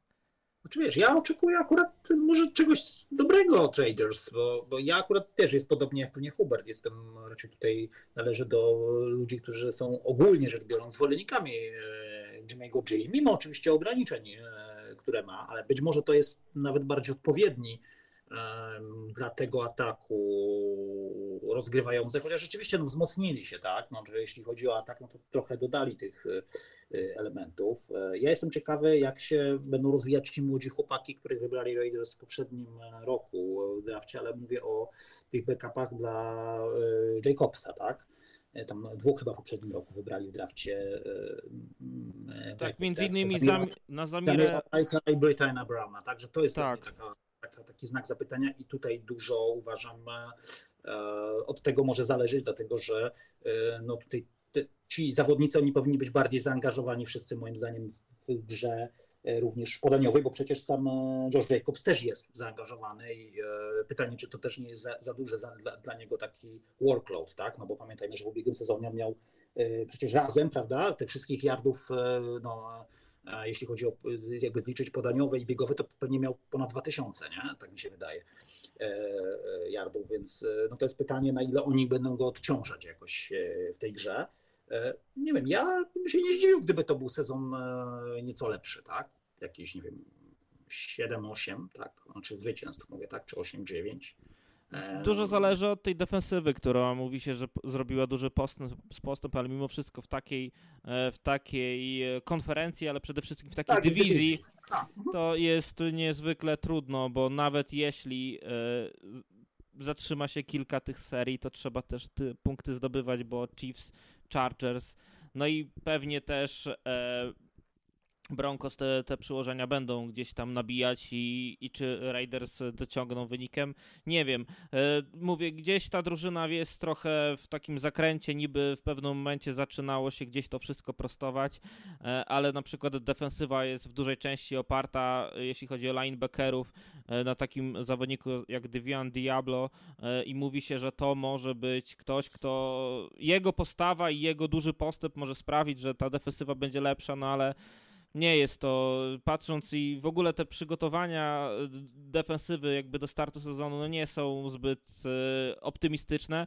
natomiast draft jest fajny, no i to, to jest coś, co, e, co gdzieś tam daje nadzieję z małą gwiazdką, bo Markus Peters, który dołączył przed e, tygodniem czy bądź dwoma e, do drużyny, od razu jest startującym kornerem, to też pokazuje, że i Amik Robertson e, i, i wielu innych zawodników, którzy wcześniej gdzieś tam byli. Ja Raiders do tej pory nie odpuszczę tego, że zepsuli Amika Robertsona. Znaczy sam się zepsuł. Fantastyczny zawodnik. Sam się Fantastyczny zepsuł. zawodnik w drafcie. Sam, no, przed draftem, a w drafcie widać no tak. może, może, może jednak te warunki fizyczne i nie wiem ile on ma, niecałe chyba 170 cm, to on jest jednak... nieduży, no ma no... 5,8 i no, tylko jest nadal młody, no bo on był wydraftowany ile, 3 lata temu, 4 lata temu? W 3 chyba. 2020, jeżeli dobrze pamiętam, on ma 25 lat w tej chwili, więc to jeszcze no, nie ma dramatu może jeszcze gdzieś tam go podciągną. E, tak czy inaczej też się zgadzam, że Raiders czwarte miejsce w, e, w dywizji, więc raczej playoffy im nie grożą. Ale zapytam ciebie jako kibica Raiders, co dla ciebie będzie sukcesem? Czy faktycznie szarpanie się i walka do ostatniej chwili o coś więcej niż ostatnie miejsce? I nie wiem, dajmy na to, że uda im się do trzecie miejsce w dywizji wywalczyć, czy spokojne, trochę rozsprzedanie, trochę podtankowanie i lepsza pozycja do budowania na kolejny rok. Nie wiem, to będzie sezon, gdzie będzie wszystko krwawić i z jednej strony chciałbym, żeby ta drużyna rozwijała się poprzez wybory w drafcie, ale z drugiej strony no nie mogę sobie przeboleć tego, że masz Devanta Adamsa i nie wygrywasz. I to jest to dla mnie coś, czy Maxa Crosbiego, y, no mówię, to są tak, tacy zawodnicy takiej klasy, że oni powinni meldować się w playoffach, walczyć o Super Bowle, a będą maruderami ligi i to jest e, dla mnie słabe. Natomiast e, bardzo w trakcie zeszłego sezonu poprawiała się linia ofensywna i jeżeli ten, to gdzieś będzie się utrwalać e, i ta linia ofensywna będzie coraz lepsza, to w przyszłym roku bardzo wierzę, że jak będzie rozgrywający wybrany w drafcie, to już ta drużyna będzie coś znaczyć, ale w tym roku na zwycięstwa nie liczę. Przede wszystkim chcę tylko dobrych spotkań i coś takiego jak grali w zeszłym sezonie Chicago Bears, y, czyli że grają dobre spotkania, ale przegrywają. Myślę, żeby mnie satysfakcjonowało. Nie chcę więcej, bo y, może gdzieś się zaskoczę, ale nie chcę więcej tych e, oczekiwań na teraz sobie stawiać. Może też zobaczę preseason, jak to faktycznie będzie wyglądać, ale mamy rozgrywającego Jimmy'ego Garapolo, i, który jest po kontuzji. Nie wiem, no po prostu w dziwne miejsce za, za jakby ta drużyna gdzieś się zaplątała i jakby ja dalej bym grał z Derekiem Karem i to jest jakby moje rozwiązanie na wszystkie pytania, które są związane z przyszłością Raiders i myślę, że ten zespół byłby lepszy, ale no nie, ja jestem decydujący. Josh McDaniels e, tłumaczył jakby, że to przez winę Kara podobno i dlatego ta drużyna tak grała. E, ja wręcz uważam, że to chyba jednak e, trener główny coś tutaj nawalił. No ale myślę, że, że, że ten przyszły sezon, ten sezon, który teraz się rozpoczyna, właśnie da kilka odpowiedzi i Josh McDaniels też siedzi na gorącym krześle, mimo tego, że bardzo lubi go właściciel drużyny Raiders, że może zostać pożegnany. Okej, okay, przejdźmy może do tych e, mniej e, dla mnie bolących tematów, chociaż mimo wszystko mówiąc o dobrych Chargers, to gdzieś też to boli. E, San Diego Chargers, Los Angeles Chargers z, są ostatnią drużyną, którą przedstawiamy w zapowiedzi konferencji Ale AFC. zgadzam z tobą, Karol, że powinni wrócić do San Diego, tak? tak, tak. No. To, to akurat prawda. To tutaj jest 3 do 0, przechodzicie do San Diego. Chargers wciąż szukający swojego miejsca w Los Angeles, e, mają e, najlepiej opłacanego zawodnika ligi, jest nim Justin Herbert. No i właśnie, Witku, co w off-season e, ci się tak przebiło gdzieś z obozu ekipy z Los Angeles? No na pewno te, te kwestie dyskusji na temat Austina Kalera, prawda, bo tam były z nim te kwestie finansowe i tak dalej, prawda, pozwolono mu na, na powiedziałbym gdzieś jakieś szukanie trade'u, tak, co też to się nie, jakoś nie zmaterializowało. Y, no, teraz no, musi też udowodnić, prawda, co, co, swoją klasę raz jeszcze, chociaż myślę, że nie musi, ja, ja, ja kocham tego gracza, tak, jeśli chodzi o jego umiejętności pod każdym względem, no ale teraz no, to wiadomo, że dla niego się zbliża ten sezon, e, kiedy będzie yy, wolnym agentem, tak, także yy, to jest taka rzecz, która gdzieś mi się przebiła, tak, te kwestie związane z yy, finansowo-kontraktowe z Austinem Ecklerem.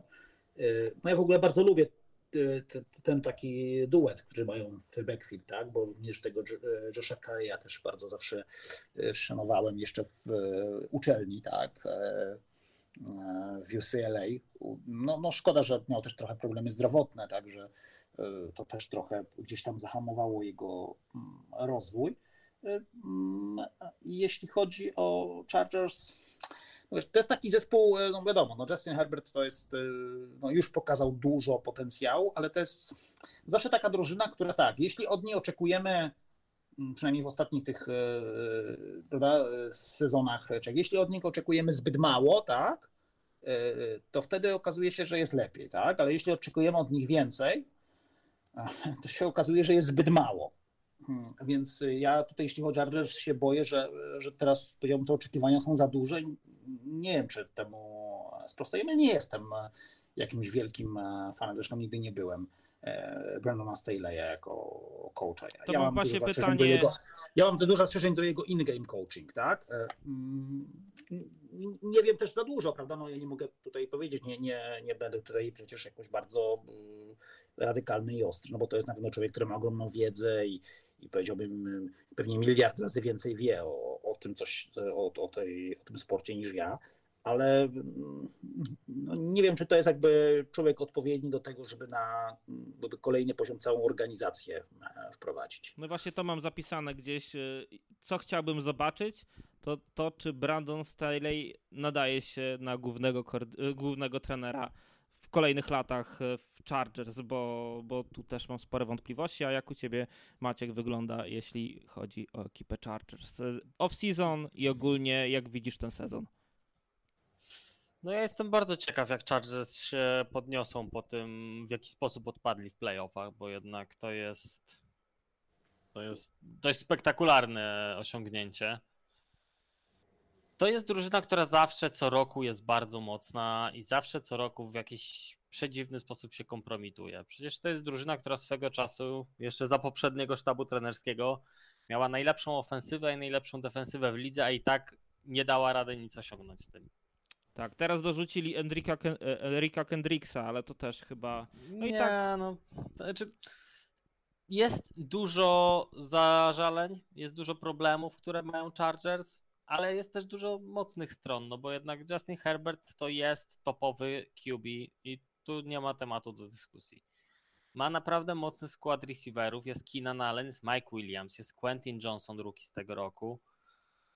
Jeżeli będzie Ekeler, jeżeli on tu zostanie, no to mają też jednego z lepszych running backów w lidze. Jeżeli nie, Joshua Kelly też nie jest zły. Linia ofensywna, zakładając, że Rashon Slater będzie zdrowy, powinna być przynajmniej przyzwoita. Obrona to samo. Jest Khalil Mack, jasne, to już nie jest ten Khalil Mack, to już nie jest ta forma, ale nadal.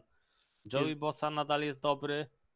No, nowy młody Asante Samuel też jest dobry i też działa w tej lidze niesamowicie. JC Jackson nie do końca dojechał w zeszłym sezonie. Może dojedzie wreszcie właśnie JC Jackson.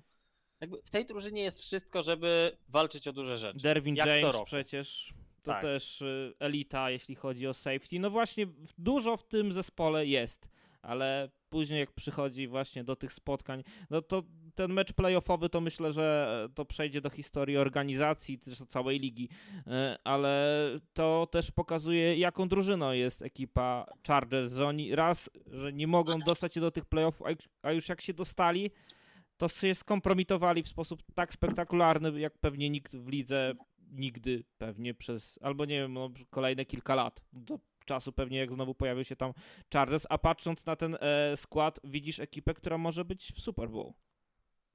No tak, no to jest, to jest drużyna, która ma skład na Super Bowl, a albo nie wchodzi do playoffów jak dwa lata temu, albo kompromituje się w drugiej połowie jak rok temu. Zresztą rok temu wjechali do tych playoffów z rekordem 10 zwycięstw, 7 porażek. No to Maciek, jak e, widzisz, 10-7 to jest to, co zobaczymy w tym sezonie, czy będzie lepiej? Powinno być lepiej, no. no to, to, to jest skład na dużo więcej niż 10-7. Natomiast, no, czy Brandon Staley dojedzie? Ja już długo bronię Brandona Staley'a i powoli już kończy mi się cierpliwość do tego, więc no jeżeli nie, jeżeli nie w tym sezonie, no to chyba już to będzie czas, żeby się pożegnać z nim. No w tym teraz udało się pozbyć e, No i Kellen Moore do, do, dołączył. nie? no tak, no dołączył Kellen Moore, udało się pozbyć e, Jima Lombardiego? Dobrze pamiętam? Joe Lombardiego? Chyba Joe. E, koordynatora ofensywnego, który no, robił wszystko, co mógł, żeby, żeby Justin Herbert nie wyglądał dobrze. Nie wiem, czy, czy Justin Herbert spotykał się z jakąś jego córką i jest mu przykro z tego powodu. Nie wiem. Nie, nie rozumiem urazu i nie rozumiem tego play callingu, który dokładnie. momentami e, prezentował mm, Lombardi. Natomiast, no, tak jak mówię, jeżeli w tym sezonie to się nie odwróci, jeżeli w tym sezonie ta drużyna nie zacznie grać na miarę swojego talentu, no to chyba trzeba będzie się pożegnać z tym sztabem trenerskim i, i dać szansę komuś innemu. Witku, ostatnie trzy słowa należą do ciebie, jeśli chodzi o Chargers. Czego oczekujesz w tym No, w sezonie? pełni się zgadzam z Maćkiem, to jeśli miało być y, trzy słowa. Okej, No nawet cztery może były. Y, y, Wiesz co, no tak, no oczywiście co, no ja uważam też, że, że drużyna ma potencjał na więcej. No życzę też im tego, żeby wygrali więcej, natomiast ja nie jestem pewny, czy oni będą w stanie bilansowo być lepsi. Tak. No tak, musi po prostu drużyna pomóc Herbertowi wygrywać te zwycięstwa, szczególnie sztab szkoleniowy, bo tak jak y, i w zeszłym sezonie, i nawet dwa... nie tyle pomóc, co przestać przeszkadzać. Tak, y, i, i w zeszłym sezonie, i, i dwa lata temu widzieliśmy, że Herbert ciągnie na plecach e, tę drużynę, a mimo wszystko gdzieś tam pojawiają się okoliczności, że oni te spotkania w przedziwny sposób przegrywają, więc Zobaczymy, jak to będzie wyglądać. Warto oglądać preseason. Sporo walki o roster, sporo walki też e, pomiędzy niektórymi zawodnikami o nawet miejsce startującego, rozgrywającego. Wspominaliśmy między innymi o tej walce w ekipie Indianapolis Colts, e, a to już startuje za chwilę i w ten sposób e, przed sekundą zakończyliśmy zapowiedź konferencji AFC. Dziękujemy, że byliście z nami, że przeszliście z nami to długą drogę po tych 32 ekipach, ale bardzo staraliśmy się, byście mieli przedstawione e, te drużyny przed startem tygodnia pierwszego preseason. E, dziękujemy naszym 17 patronom za ogromne wsparcie, w szczególności Maćkowi Krzywdzie oraz Przemysławowi Nowakowi, którzy wspierają nas w najwyższym progu wsparcia na profilu Patronite. Jeśli chcielibyście dołożyć cegiełkę do rozwoju NFL Polska i nas wesprzeć w sezonie 2023-2024, to, to można to już zrobić od kwoty 7 zł. Zachęcamy, a szczegóły e, przedstawimy w opisie, jak zwykle w opisie podcastu i w komentarzach pod podcastem. Jeśli Wam się podobało, jeśli czujecie, że e, czujecie się, że macie odmienne od nas zdanie, jeśli chcecie nas więcej, to wiecie co robić. E, możecie skomentować e, pod podcastem i chętnie gdzieś w kolejnych audycjach się do tego odniesiemy.